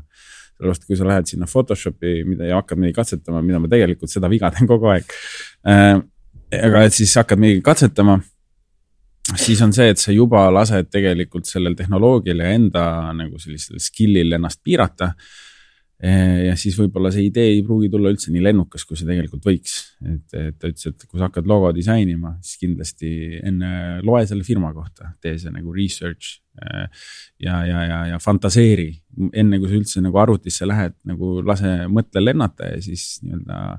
kui sul on olemas see kontseptsioon, sul on see story ja sul on see, et siis sa tead juba, mis sa hakkad tegema, siis mine selle tehnilise vahendi juurde et tegelikult muusikas võiks siin ka ise seda rohkem praktiseerida, et selle asemel, et hakata lihtsalt kohe sample eid valima mõnele asjale taustale, siis tegelikult see on hea reminder endale ka. et tegelikult võiks teinekord korra nagu kuulatada, et mis see võiks olla nagu tunnetada või kuulatada või fantaseerida, et siis võib-olla tuleb üldse nagu, et siis on, ma arvan, võib-olla ka see hetk, kus sa võid nagu jõuda mingi sellise tulemini, mis kõlab teistmoodi kui need lood, mis on juba Spotify's olemas. Väga-väga kuldsed sõnad, hea nõuanne. Äh, kui sa saad äh, ajas tagasi minna, siis mis nõuandeid annaksid äh, teismelisele endale peale selle, et sinna VHK teatriklassi ikkagi tulla mm? -hmm. Uh, tea, ma ütleks, et rohkem trenni. et ma arvan, et füüsiline aktiivsus aitab ka mõistusel olla nagu paremas vormis ja, ja ma ütleks seda ka praeguse vanusele, et võiks nagu olla füüsiliselt aktiivsem, et ma arvan et nüüd mingid periooditi mul ikkagi õnnestub ennast kätte võtta ja siis ma tunnen, et isegi kui ma panen vähem tunde, panen nagu töö alla. Äh, et siis tegelikult need tunnid on nagu produktiivsemad ja mõte lendab paremini. et ma teismelisele endale ütleksin kindlasti, et, et jah, äh, teha mingit, et enda füüsise eest nagu rohkem hoolitseda. lihtne asi sest muusikuna tihtipeale noh, kogu aeg ma tunnen, et see, et prioriteet on teha nagu noh, et kunstivärk ikka ja mingi, kuidas ma siis raiskan nüüd kaks tundi selleks, et jõuksi minna või mida iganes. et noh, et mul on vaja nii tähtsaid asju teha. tagantjärgi mõtlen, tegelikult ei olnud nii tähtis. kas sul on üldse tervislikud eluviisid, kuidas sellega on? ma ei usu mm Kaspariga kossu mängima, onju, aga noh, sellest, sellega ka asi piirdub, et äh,. ma vahel, vahelduva eduga ikkagi mõtlen, et prooviks äh,, prooviks tervislikumalt äh, toituda ja nii. väga hullu ka ei ole, aga, aga ma praegu tunnen näiteks, et selle jaoks, et selleks aug-, et see augusti see kontsert on näiteks hea eesmärk mul praegu küll, et ma tunnen, et selle jaoks tahan olla, et, oleks rohkem võhma ja, ja et oleks et olekski, ma tunnen, et see füüsis peab olema hea, et see kvaliteetselt ära teha, et see on nagu sihuke hea eesmärk. mõtle, kui sa neljakümne viiendal minutil seal lihtsalt ära väsid mm. -hmm. publikule stopp, ma pean puhkama natukene jah, mul tiimikaaslased ikka muretsevad selle pärast, et noh, et, et peaks nagu sellesse kavasse sisse kirjutama mingid äh, puhkehetked. sest see tegelikult on füüsiliselt, eriti kui on nagu suur lava keele peal või noh, meil on sihuke värk, et selle peal edasi-tagasi jooksmine, haipimine, laulmine hääl peab, hääl peab olema, hääl peab olema heas vormis, tervis peab olema heas kohas, et see on nagu. Eh, see tervis tuleb sellest, et füüsis on heas eh, vormis on ju, et tegelikult kõik kogu sellele asjale, et see ei noh, tahaks olla nii, et see ei ole ainult juhuse nagu, juhuse hoole all. see on muidugi sõna, mis ma räägin, siis lähen koju, see on mingi äh, šokolaad jah. kui äh, läheme nüüd ajas edasi natukene mm -hmm. nii palju, et sa oled siis kaheksakümmend, vaatad tagasi oma elule, siis äh, mis jälje sa tahad, et sa oleksid jätnud? Äh, loodusele. mingi. Eestile, maailmale. jalajälje. ei, ma olen mõelnud selle peale jah, et tegelikult ainuke asi, mis ma tunnen, et tol hetkel nagu loeks, oleks see, et kas sa oled midagi end, nagu ähm, endast võib-olla midagi sa midagi muutunud, mis ei puuduta ainult sind ennast mm,. ja ma tunnen, et, et kui see muusikalised saavutused võivad olla siukse kaheldava väärtusega, et noh, et kas siis on vahet, kas sa oled staar või ei ole, on ju. et siis, kui ma ei tea,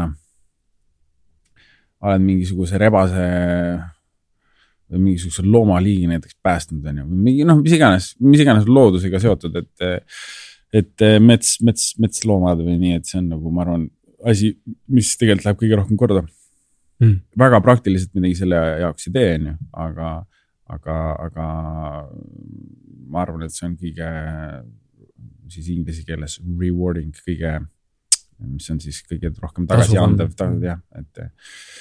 et see jah, ma arvan, et eh, midagi selles vallas jah. looduskaitseala jah, noh näiteks see on ka muidugi juba sihuke, läheb sinna ego paitamise pärusmaale on ju, aga noh, see on inimese osa. võib-olla selline ego paitamine on kõigile kasuks. jah, no vana hea on ju, et äh, neid arutelusid ei olnud omajagu, et kui sa teed head ja sa tunned ennast hästi läbi selle, et sa teed head, on ju, et kas see siis enam on heategu, noh, mingid siuksed konfliktid, eks. lõppude lõpuks on see, et kellegi sõnad olid, et noh, et lõppude lõpuks, et kui see heategu saab tehtud, siis on nagu suva, et kuidas see äh, sind ennast paneb äh, nagu tundma või et siis ongi, see on omakorda enesekeskne mõtlemine, et oi, kuidas mina nüüd, kas ma nüüd olen hea inimene sellepärast, et ma teen selle heateo või mitte, et noh, et see on jällegi sina, sinu põhine. peaasi, et noh, et see asi saab tehtud on. jah, ja mulle tundub üsna selgelt, et isegi kui see on egopõhine heategu, et, et kui sul on selline stiimul, et ma tahan nagu paista lahe, teen ego pärast heategusid, siis lõppude lõpuks see heategu saab ikkagi tehtud. ja see on win-win, et. jah, põhimõtteliselt hea on niimoodi täitada oma ego. täiega. enne kui me anname stuudiopublikule küsimuse järje üle, kas äh, midagi huvitavat jäi ütlemata mm,? Kohe ei tule pähe küll mm,. jah, väga, väga hea arutelu on olnud küsimuste mõttes, nii et selles mõttes praegu ei oska öelda küll aitäh, väga huvitavad vastused on olnud, aga äkki tuleb veel mõne hea küsimus?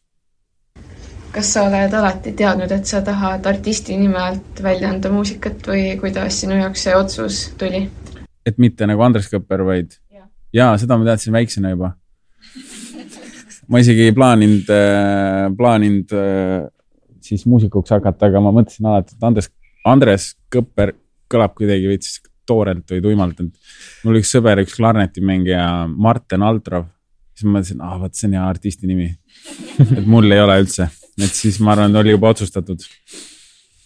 jah, see on nagu noh, Meelik on meil selle teise bändi nimi mõtlesin, et olekski ansambel Andres oleks nagu super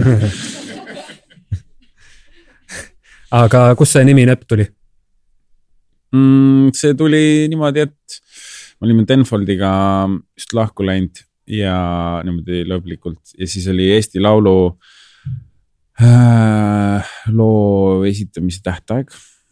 ja okei okay,, siis ja siis jah mm, -hmm, mul meenus lihtsalt üks asi äh,. ja, ja siis äh, mul oli vaja äh,, mõtlesin, et davai, saadan ühe demo, mis mul oli üks Morning Light, mis on siiamaani SoundCloudis üleval kogemata ähm,.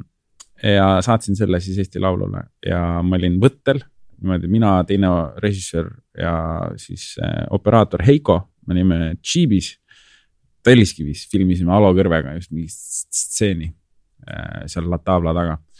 tegime siukest seriaali nagu see Restart ja siis äh, mul oli viimane päev, see, et et viia see ära. Ja siis mul vend pidi tulema järgi, võtma selle, selle ümbriku, siis oli vaja füüsiliselt viia, see on nii ammu äh,. ja siis mul oli vaja sinna midagi peale kirjutada ja siis ähm, kuna seal telliskivis on kõik need hästi praktilised nimed nagu kivipaberkäärid ja lendav taldrik ja nii edasi, siis ma mõtlesin, et noh, et võiks olla midagi praktilist või keegi meil mõtles. ja siis tuligi sõnast nööp. ja siis kirjutasin selle nööp, vaatasin, et see on ilgelt kole. siis panin noööp ja siis panin nööp ja siis vaatasin, see on ka veel ja siis tõstsin need näpid, täpid E peale, siis ma mõtlesin, ah, see on lahe, lahe ja siis panin selle. et täpselt nii sisutühi see ongi. kuidas äh kuidas sa arvutiklaviatuuril muidu seda e-täppi? ma ei panegi, ma lähen Facebooki ja kopin sealt ja see on ilgelt tüütu. mul just oli niimoodi, et mul ei olnud netti ja siis mul oli vaja väikest seda mm, e-d ja no siis ma ei saanudki seda kuskilt. sest näpp on alati caps lock'is. ai, ai, ai. eriti telos tehes. jah. miks kolmeseid nii halvasti viskad? ei, seda mitte. kaks asja. siin näiteks a la EFTA galal, kui astud ülesse, kas see on asi, mis on sinu või sinu produktsiooni nii-öelda hea töö või see on EFTA produktsioon pöördunud teie poole, et kuule, tule tee meile äkti? too hetk või seekord oli, nemad ise pakkusid välja meile, et me võiksime esineda mm ma tean, et osade artist, artistide puhul on see ka nagu lobitöö tulemus, et nagu sebida ennast kuskil esinema. ja ma arvan, et me võib-olla kunagi kuskil oleme seda ise ka teinud, et äkki saaks, et meil tuleb uus lugu ja siis nii-öelda mänedžer uurib. on ju, aga üldiselt on seda pakutud ise ennem rääkisid nendest või noh, koostöödest teiste artistidega. kui palju seal on artistiga otsesuhtlemist ja kui palju on äh, siis nagu teise artisti management'iga suhtlemist ja kas siis mänedžerid räägivad omavahel või sina räägid ikkagi teise ka management'iga? üldiselt mänedžerid räägivad omavahel ja mm, mul on noh, et eriti alguses oli see, et ega ma ei teadnud väga kedagi noh, just nii-öelda väljaspool Eestit Äh, ja miskipärast algusest peale, kuna mul mänedžer, ähm, no mul on management, kus on kolm inimest, kaks neist elab Inglismaal, üks elab Eestis. Ähm, ja mm, algul elasid mõlemad mänedžerid Inglismaal, siis ma, kuna nende tutvused olid Inglismaal, siis ma käisin tihtipeale Inglismaal kirjutamas. Kuidagi on see niimoodi jäänud ka, et ma olen just kuidagi hästi palju käinud väljaspool Eestit kirjutamas, kuigi Eestis on ka väga häid kirjutajaid mm.. ja siis äh, jah, eriti kuna alguses ma ei teadnud väga artiste nii, siis ikkagi management mul nii-öelda sebis ära mingisugused äh, session'id või camp'id või asjad. aga nüüd on olnud vahel nii ka, et Instas kirjutan mõne inimesega, kellega ma olen enne juba kirjutanud ja teeme nagu omavoliliselt mingeid sesse ja asju. selles mõttes laias laastus on läbi management'i. nüüd tuleb, ma nüüd ei ole, mul on olnud veits sihuke allergia on olnud koos kirjutamise vastu Äh, mõned aastad. aga siis nüüd ma otsustasin, et äh, proovin jälle ja, ja siis nüüd ongi nüüd äh, mai lõpus ja mai alguses on mingisugused Berliinis mõned kirjutamised, mis on ka tulnud siis läbi, läbi management'i. mis selle koos kirjutamise allergia põhjustas? Ma ei teagi, eks ta on ikka nagu veits siukene nagu mugavustsoonist väljas et äh, istud kellegagi, keda sa võib-olla ei tea ja, ja, ja mul on olnud ka siukseid nagu pingelisi kogemusi kohati just see noh, et no ma ei ole nagu nii enesekindel laulja, et, et ma tihtipeale see kuidagi, mul on olnud mõned mingid camp'id või asjad, mis on võib-olla võtnud siukest, siukest pimedat eneseusku vähemaks hmm., mis äh, mis on vahel nagu hea, on ju, et võib-olla ajabki eh,, drive ib nagu ennast arendama ja nii, aga teisalt ma arvan, et sellist niisugust naiivset enesesse uskumist on nagu vaja, nagu see esimene küsimus oli. et ma arvan, et läbi selle, et ma, ma ei tea, et arvad endast võib-olla paremini, kui tegelikult vahepeal nagu võib-olla väärt on, et see võib mängida su kahjuks kui ka kasuks, et.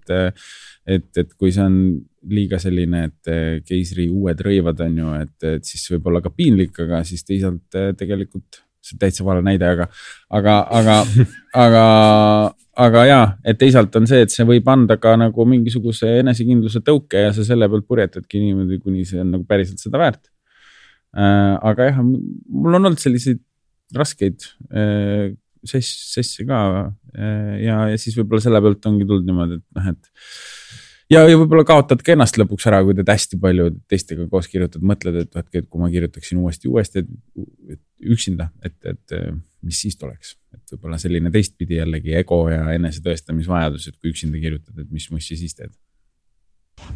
Aga nende kooskirjutamiste käigus noh, endal on ju ka mingid mõtted, kui see teisele poolele ei meeldi, siis on sellest inspireerunud ka enda mingisugune uus asi või? oota, ütle uuesti, et noh, a la koos kirjutate, noh, et teine pool on, on eh, noh, mingi mõttega ei ole nagu väga nõus või sulle endale nagu väga meeldib, et aga noh, selle sessiooni käigus on see kuidagi nagu sinu jaoks vähemalt nagu tekkinud, lähed mm -hmm. koju, siis teed sellest enda mingi asja. tuleb nii ka ette või mm? -hmm. praegu on üks lugu näiteks, mis ma hiljuti võtsin kätte. pärineb nii viie aasta tagusest ajast, äh, kus oligi tegelikult üks raske sess. Äh, ma olin Hamburgis mingis camp'is, mul enne seda olin kolm päeva Riias kirjutasin, siis läksin Londonisse, kirjutasin ühe paadi peal mingi kolm päeva ja siis läksin Hamburgi äh, ja otsisin nagu uut singlit äh, Sony Swedeni diili ajal. ja esimene päev, meid oli kuus tükki, kirjutasin kuuekesi, mis oli täiesti clusterfuck, noh, mitte midagi ei tulnud välja. Äh, ma ise olin artistruumis ja ma tundsin, et nii palju andekaid tüüpe oli, et ma andsin nagu ohjad eemale ja see oli vale otsus. sest siis see nagu noh, ühesõnaga ma ei saanudki, esimene kord, kui ma ei saanudki sessioni lõpuks mitte ühtegi normaalset asja, siis ma olin öö läbi üleval ja proovisin selle käkist nagu midagi saada.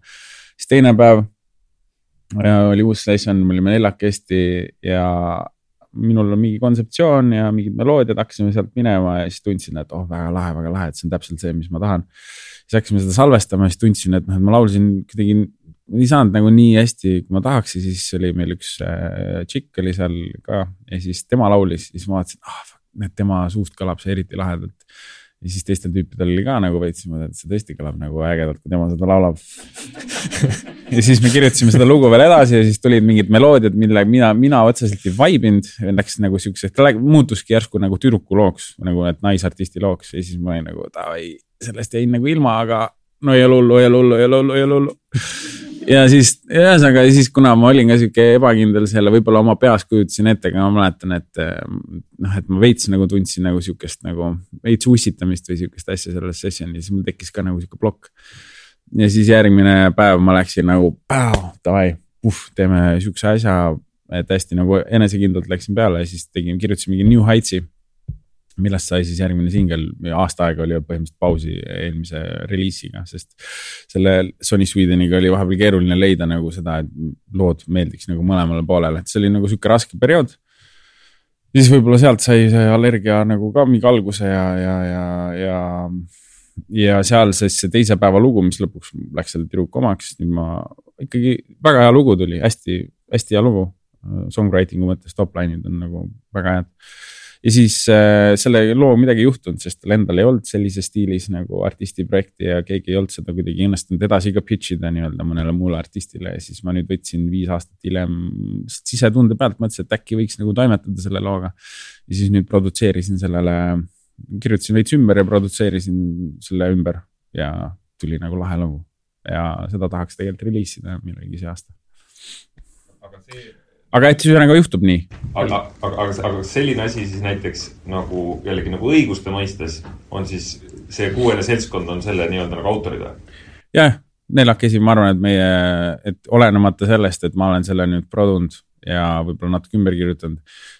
noh, ma pigem olen seda, et kui meid oli seal session'i ajal neli tükki, siis on lihtsalt kakskümmend viis, kakskümmend viis, kakskümmend viis, kakskümmend viis, et. et hakata nagu kuidagi, kuigi seda tehakse ka niimoodi, et sul on näiteks mingi camp kirjutatakse mingi lugu a la Alan Walkerile, on ju. Äh, ja sul on äh, kirjutajaid kolm tükki ehk siis kolm, kolm koma kolm protsenti. Äh, et siis on see, et Alan Walkeri tiim võtab selle endale ja siis nad justkui panevad sinna veel paar kirjutajat juurde, et see on mingi sihuke veits sihuke semikohustuslik ring, et Alan Walkeri endal kirjutajad veel teevad selle, teevad tegelikult minimaalseid muudatusi, on ju, ja siis võtavad veel noh, seal mingi nelikümmend prossa endale, on ju. teevad no, natuke halvemaks. ja siis, äh, siis äh, noh lugu võib-olla väga palju ei muutu, on ju, ja siis tegelikult need protsendid on ju muutuvad, et see on nagu sihukesem high level'il, kus on tegelikult sihuke no ikkagi, ikkagi aetakse läbi neid protsente. ja siis mul üks, üks sõber, noh tuttav, kellega ma olen ka kirjutanud ja, ja, ja muhe sihuke Kanada poiss. kes on kirjutanud, eh, ma ei tea, doktor Dre'le ja Eminemile ja igast asjadele, siis ta ütles, et kõige chill im üldse on Celine Dion. et eh, ta kirjutas talle viimase albumi nimiloo ja põhimõtteliselt Celine Dion vist, ma ei tea, ei võtnudki mingit autori protsenti või mida iganes ja siis ongi. et noh, et tavaliselt on see, et kui sa nii suurele artistile kirjutad, on ju, et siis noh, et isegi kui artist ise ei ole midagi kirjutanud, siis ta võtab seitsekümmend protsenti autoriõigustest, noh, sest tema reliisib selle või noh, Justin Bieber või kes iganes on ju et Celine Dion on nagu see, nagu Lana, et talle peab kirjutama. aga need lepid, aga need protsendid, asjad, need on nagu enne sessiooni kõik lepitakse lukku, mis siin saama hakkab või see on nagu sessiooni käigus, et kuidas meil siin nüüd midagi kujunema hakkas? üldiselt on see, et kõige lihtsam on see, et kes iganes seal ruumis on. Äh, kunagi keegi tõi ka väljendi, et, et, et kui sul on surnud koer äh, ruumis, siis ka tema saab selle kolmkümmend kolm protsenti on ju. et, et get, get rid of the dead dog, on ju, aga enne session'it. aga ja, äh, pigem jah seda on nii raske, võib-olla ongi noh, New Heights'i puhul oli üks kirjutaja meil ruumis, kes tegelikult väga ei panustanud või noh. aga see oli ka hea tegelikult, et ta oli piisavalt enesekindel selleks, et ta ei pidanud paaniliselt oma nagu input'i panema, on ju. Äh, vaid ta no oligi niimoodi, vahepeal noogutas kaasa ja tundus, et meil oli oma flow, on ju, aga noh, tal on ikkagi kakskümmend viis protsenti sellest äh, loo autorlusest ja ma arvan, et see on nagu fair ikkagi, sest et otseselt ei kirjutanud nagu meloodiaid või sõnu eriti. jah ühe asja küsin veel äh,. kui või see äh, see, mis sa kõik seal Tiktokis teed, kas sa seda nagu noh, kuidagi nagu teadlikult ka nagu suunad kellelegi või noh, et ta ennem rääkisid sellest ähm, selle ärihaiga, eks ju, suhtlemisest ja noh, startup'i maailmas ja noh, üldse igasugu ettevõtluse juures on hästi oluline, et noh, kes mu see klient on. aga kui sina oma seda sisu toodad, sa, sul on ka silme ees on nagu noh, see üks persoon või, või mingi grupp, kellele sa seda sisu teed või nagu laiemalt, kas sa üldse mõtled nagu, kes see sinu fänn on, kellele sa seda kõike teed? ja no statistiliselt minu kuulaja on jah, ikkagi sihuke kakskümmend viis pluss äh, inimesed, et nagu noored nii väga ei kuula, et kuna see žanr näiteks noh, Eesti-siseselt ei ole olnud äh, nii-öelda noorte seas nii popp, pigem ongi nagu e-, Eesti äh, räpp ja, või siis, või siis välismaa muss rohkem kuidagi niimoodi sattunud ähm,. aga Tiktokis no nii palju mm, no vanuseliselt või, või naiste ja meeste mõttes väga otseselt ei, ei, sihi. selles mõttes, et ähm, on osad videod, kus ma, mis ma tean, et toimivad ainult Tiktokis ja ma Instasse ei pane, sellepärast et võib-olla Instas oleks piinlik oma sõprades. no mingid osad siuksed, mingid mingid, mingid osad videod, siuksed lühi seitsmeklipised, sest ta ei sobi Instasse, ta on nagu Tiktoki mingi flow'ga onju.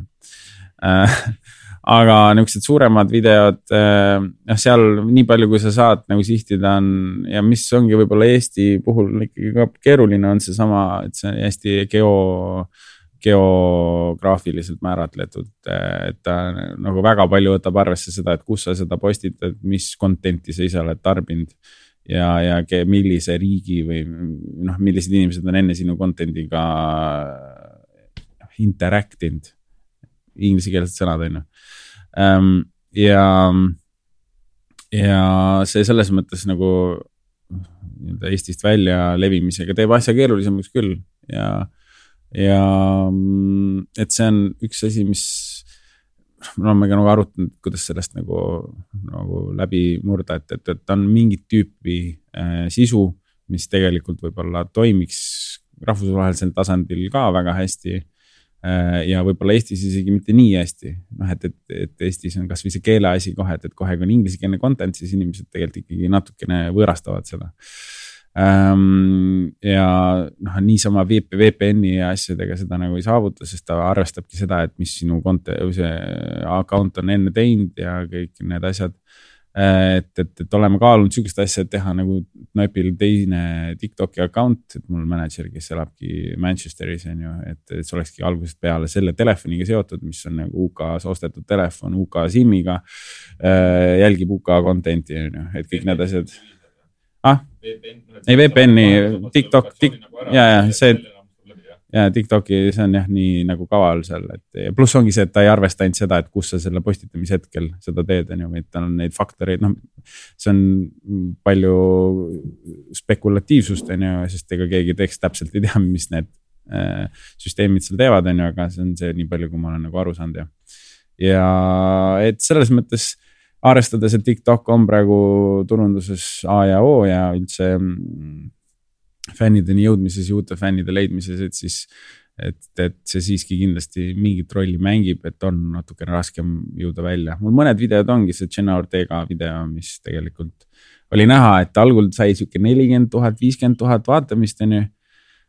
siis oli nädal aega pausi mitte midagi ei toimunud ja siis hakkas tulema inglisekeelseid kommentaare ja noh, inglise võin öelda, tihtipeale on nad väga palju rohkem siis ka nagu kaasatud kommenteerimiste ja asjadega, et nad kuidagi noh, spontaansemalt panevad oma neid asju, et siis oli näha, et hakkas video minema, et kui ta jõudis korraks nagu ah, kuskile muude, muudesse nii-öelda piirkondadesse aga, aga ongi, TikTok ongi pigem, pigem nagu rahvusvahelise edu mõistes on tarvilik, kui sa ainult kodus. Eestis ka selles mõttes, et ma osasid videosid, mis puudutavad kontserte ja nii, ma ikkagi sihingi nagu Eestisse ka just, et ongi, panen Estonia ja Eesti TikTok ja, ja võib-olla on ka eestikeelne content, et selles mõttes see on hea vabadus, et seal ei pea muretsema ka, et igal videol peab kindlasti olema subtiitrid, sest seal niikuinii on see, seal videopõhine, mitte nagu videoloojapõhine see äh, sisuloome võtame paar küsimust veel,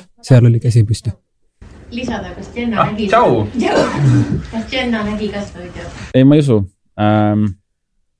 Äh, ma olen mõelnud, ma just täna mõtlesin selle peale, et äh, üks asi, mis ka nipp, mida antakse, et noh, et, et ära karda postitada sama videot mitu korda, et. äh, et vahel see nii oleneb sellest, et mis on need esimesed, ma ei tea, sada inimest või kes iganes, kes seda näevad, kuidas nad reageerivad, et kuidas see nagu video ehitub, on ju. Et, et ma olen mõelnud selle peale, et uuesti panna seda videot ja võib-olla tehagi mingi call to action on ju, et. et, et enne ma ei lõpeta selle postitamist, kui, kas, kui lahe thanks. ja oligi noh, et mulle tundis, et sellel videol läheb väga hästi, ma vahepeal lootsin, et sellel võibki nii hästi minna, et ta jõuab nagu sinna, aga ta ikkagi jäi seisma äh, mingi alla neljasaja tuhande või midagi siukest tal on. ja, aga siis noh, hästi paljud ikka mingi, ma arvan, sadu või tuhandeid kommentaare on sellised, kes tagivadki Jennat on ju ka äh,. aga noh, vastupidiselt Marole, siis Jenna on nagu sotsiaalmeedia võõras inimene, ta ise ei handle'i oma neid eh, Tiktok'e ega midagi. et selles mõttes, ehm, et natuke on võib-olla keerulisem, aga ma arvan, et oleks võib-olla hea jõuda lihtsalt Jenna Ortega võib-olla fännideni, et noh, et ütleme, et ma arvan, et potentsiaali sellel oleks jah, et, ehm, et jõuda või noh, eriti cool oleks on ju Jimmy Kimmeli tiim selle asemel, et mind kohtusse kaevata, äkki ise repostiks seda onju. jah, Taavi Rõivas Taavi Rõivas käis ju. ta oli kunagi, kas ta oli Jimmy Kimmel või? ah? üks tšikk käis laulmas ka seal saates. Ah, päriselt või? Eesti tšikk. nagu viimastel aastatel või? ja, ja, ja. kas see oli see? Kristi. Kristi. nii, väga lahe. seal taga. Äh, kui palju sa üldse muusikat kuulad või kas sul on mingeid siukseid perioode, kus sa ei suuda üldse mingit välist infot kasutada? ja ma kuulan äh, väga vähe jah Eh, periooditi muutub muidugi, mingi periood ma olen inspireerunud muusika kuulamisest ja kui mul on sihuke periood, kus mul on eh, näiteks palju DJ sette, siis ma ikkagi kuulan, kuulan suht äh, sellise eesmärgiga, et ma otsin endale lugusid, mis mulle meeldivad või mida ma mängiksin DJ setis. see on, kui keegi peaks kõrval olema, noh, et autoga sõidan, siis see on niimoodi, et nagu ma kuulan kahest sekundist, põhimõtteliselt kolmest sekundist piisab, on ju, et kas sulle meeldib või ei meeldi ja siis ma kuulan edasi, et suht sihuke masinlik kuulamine on üks asi, mis ma teen. maal ma kuulan vinüüli pealt, sest see ei tekita mulle selles mõttes stressi, et ma juba tean, mis vinüülid on, ma tean, mis must seal on. Et see võib-olla ei pane liiga palju mõtet tööle. aga jah, niisama muusika kuulamine on vahepeal keeruline küll, et, et ma olen selles mõttes suht nagu tundlik võib-olla muusika osas, et mulle hästi tugevasti kas meeldib või siis üldse ei meeldi, et sihukest neutraalset kuulamist on nagu keeruline. et nagu nii-öelda, ma ei tea, rahustamise või niisama chill'i mõttes ma jah, väga pigem ei kuula. Äh, aga siis, kui ma ei ole tükk aega kuulanud mussi, siis ma tunnen, et tegelikult on ka raskem mussi tegelikult teha, sest kuidagi ajus on vähem seda impulssi ähm,. et mis genereerib uusi meloodiaid, sest see on, kõik on ikkagi ju süntees, on ju.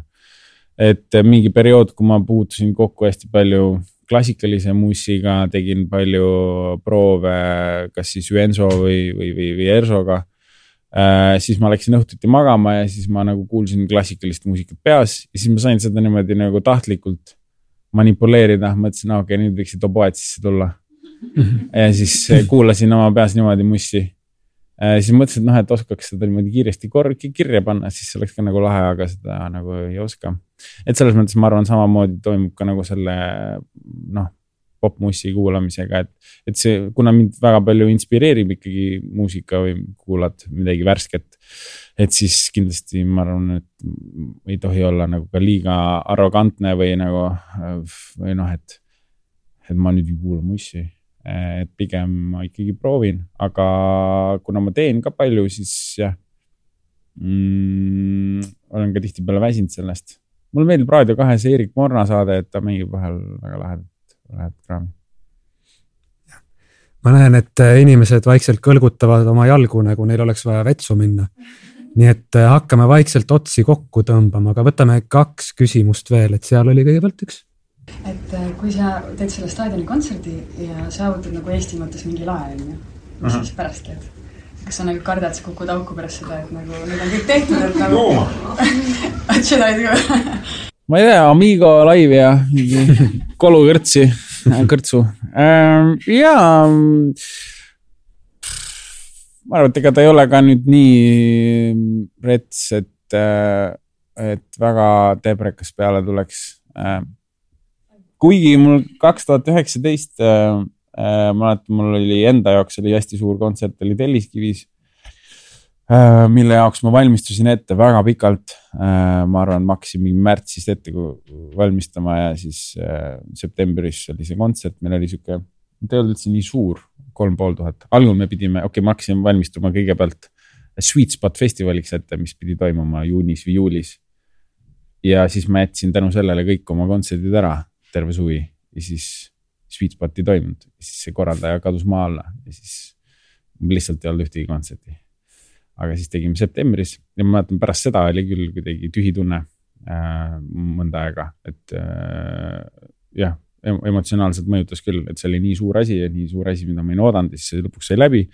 ja, ja siis äh, natuke aega oli keeruline, aga siis äh, läksin jälle Amigosse esinema ja tegelikult ma ei esinenud seal, aga ähm,. ja ma arvan, et äh, see oht on kindlasti olemas, et äh, et, et päris nüri on võib-olla teha väiksemaid kontserte või võib-olla erakontserte kasvõi pärast seda, aga aga ma arvan, et see on jällegi lahti mõtestamise küsimus, et pigem üldiselt mulle meeldib teha ka väiksemaid kontserte või nagu kasvõi mingi era, erakaid, et selles mõttes mul selle vastu ei ole midagi.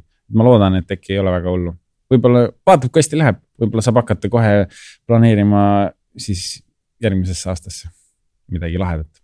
kas sa palun räägiksid enda sellisest tavalisest argipäevast, kas see sisaldab mingisuguseid rutiine, mis toetavad ka loomingulist tegevust, kuidas su päev välja näeb? Äh, see oleneb äh, perioodist. praegu on olnud selles mõttes suht rutiinne, et ma esmaspäevast reedeni olen stutsis ja teen erinevaid ülesandeid, mis ma pean tegema. et ma mm,, mu see ajagraafik ei ole nagu väga varajane, et ma üheksaks ei lähe, aga mingi kümne paiku lähen stuudiosse. ma arvan, et äh, siis alguses tihtipeale pean vastama mingitele asjadele, mis võib-olla on ja siis tegelen äh, kas siis praegu setlistiga või mõne loo lõpetamisega või mõne loo miksimisega või siis mõne visuaalse ähm, asjaga ähm,. siis ma lähen Levieri lõunat sööma, siis lähen tagasi stutsi ja siis olen seal kuni esmaspäeval kuni korvpallini ja neljapäeval ja siis ülejäänud päevadel võib-olla pikemalt ja suht äh, siukene rutiinne, aga iseenesest mulle nagu meeldib see periood. kui on suveperiood, siis see on täiesti kaos, et äh, ähm, on palju esinemisi üldiselt, mis on nagu lahe, palju sõitmist, et siis ma stuudiosse ei pruugi väga palju jõudagi. Ja kui näiteks enne koroonat oli suhteliselt palju lendamisi, mingisuguseid erinevaid välikäigasi, siis oli tihtipeale nii, et ma ei tea, kolmapäeval, neljapäeval sõidad kuskil, laupäeval tuled tagasi, siis ülejärgmine nädal jälle, jälle, niimoodi keskmiselt paar-kolm korda kuus sai nagu sõidetud äh,. aga jaa, ikkagi mingisugune füüsiline aktiivsus on hea sellele, sest see töö ise on hästi passiivne tegelikult arvutis istumine ei, mingit väga head valemit ei ole, ma arvan, et ma ise peaksin kuskilt kellegi käest küsima, kuidas nagu olla võimalikult operatiivne või eh, produktiivne. Mm, no mulle tegelikult meeldiks täiega ärgata vara mm, ja olla enne kukke juba stuudios, aga see on ka see, et eh, kui on eriti esinemiste tihe äh, periood ehk siis ütleme reede-laupäev lähed magama mingi ühe-kahe aeg, siis ülejäänud nädalat hoida nagu forsseerituna hästi varajasena, siis see on nagu ka sihuke kehale, ma arvan, väsitav, ehk siis ma pigem ärkan niimoodi poole, poole üheksa paiku tavaliselt. Nüüd ma tahaksin seda natuke varasemaks viia, sest mulle meeldib sihuke hommikuvalgus ja kõik asjad ähm,. aga töö, töökuse mõttes ma ei teagi, vahel on see, et ikkagi on hea päeval äh, saada mingi flow peale ja teinekord on see mul õhtul, et ma, paljud artistid räägivad, et nad on kõige tootlikumad mingi ainult pimedas või ainult öösel või siis äh, üks mu sõber Raul, tema on see, et ta tunneb, et ta peab selle esimese asjana selle loomeprotsessi ära tegema ja siis ta saab teha muid asju, et äh, mul, ma ei ole, ma, ma jah, ma ei ole nagu tajunud, et äh, mul oleks sihukest äh, konkreetset aega, kus ma oleksin nagu produktiivsem või mitte. aga mis ma tunnen küll, et et äh, natukene segab sihukest loomeprotsessi küll äh, sellised hästi praktilised ülesanded või, või nagu, et kui sa pead, pean vastama mingitele emailidele või otsustama mingisuguseid, iga päev on hästi palju otsustada.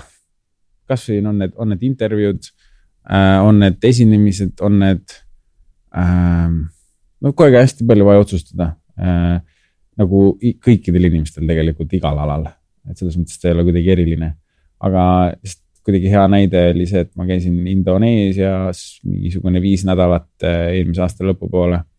ja seal ma teadsin, et ma olen justkui nagu puhkusel, aga ma tegin iga päev tööd äh, peaaegu. ja see oli ülitootlik äh, sellepärast et ma teadsin, et mul ei ole tegelikult, mul ei ole kohustatud midagi muud tegema, siis ma sain kuidagi võtta selle aja ja tõesti nagu katsetada ja mul ei olnud ka otsest kohustust nüüd kirjutada mingi singel või asi, et see oli selles mõttes nagu väga lahe periood. Et ma sain nagu igasuguse süümepiinadeta nagu tegeleda uue mussi kirjutamisega, mis praegu tihtipeale ma tunnen, et ma tahaks teha, katsetada võib-olla mingit seda sample'it ja selle põhjal teha mingit uut loomet, aga ma tean, et tegelikult peaksin noh valmistuma kontserdiks, ma tegelikult peaksin äh, tegema mustmiljon muud asja. et siis see tegelikult segab sinna flow'sse minekut küll. Et äh, ma plaanin võtta nüüd lähiajal äh, mingisuguse, ma ei tea, kolme-neljapäevase asja, et minna maale ja siis proovida niimoodi, et ei ole neid äh, segavaid faktoreid, et ma arvan, et need loometripid ja loomelaagrid nagu bändid teavad, et need ei ole nagu ilmaasjata suur-suur tänu, Andres Kõpper. see on olnud väga huvitav, väga inspireeriv vestlus. Rõõm on su mõtteid kuulata, näha, millised mõtted on viinud sinna, kus sa jõudnud oled. palju edu staadioni kontserdil. Kindlasti lähme kõik vaatama, kuulama. ja siis kuulate Sauda remix'i täna ja kõike. ja täna jah, just mm -hmm. avalduslugu. kas äh, lõpetuseks on veel midagi öelda ehm,? ei, jah Ehm, ma arvan, mingi sisetunde kuulamise case ikkagi on, et äh, sa enne küsisid ka endasse uskumisega, on ju, et. Et see on siiamaani protsess, äh, et jääda endale kindlaks mingitel asjadel või siis kuulata teiste inimeste feedback'i, et see on see balansseerimine, on ju, et äh, ma arvan, et ei tasu minna liiga uhkeks, et arvata, et sa oled alati kõiges kõige õigem arvaja, aga ma arvan, et ei tohi ka lasta nagu enda mingitel julgetel ideedel võib-olla minna nagu ära, ära kustuda, sellepärast et, et need on võib-olla siuksed äh, teiste jaoks natuke harjumatud, sest on ka öeldud äh, noh, paljud nagu Rick Rubin näiteks, et noh, et, et need plaadifirmad, A&R-id alati nagu otsivad seda, mis kindla peal töötab või mis on juba olnud, on ju. aga mida tema siis produtsendina Äh, ta otsib endas, ta kuulab oma seda sisetunnet, et kui miski on nagu lahe ja äge ja siis võib-olla küll riskantne, aga need on need kõige edukamad lood tihtipeale on ju, et selles mõttes, et ei tasu nagu karta ka seda, millesse teised võib-olla ei pruugi uskuda ja see on endale ka hea meeldetuletus. et endal ka seda eneseusku või sisetunde, tunde uskumist jääb nagu vajaka. Need on väga ilusad sõnad, millega lõpetada, teeme suure aplausi.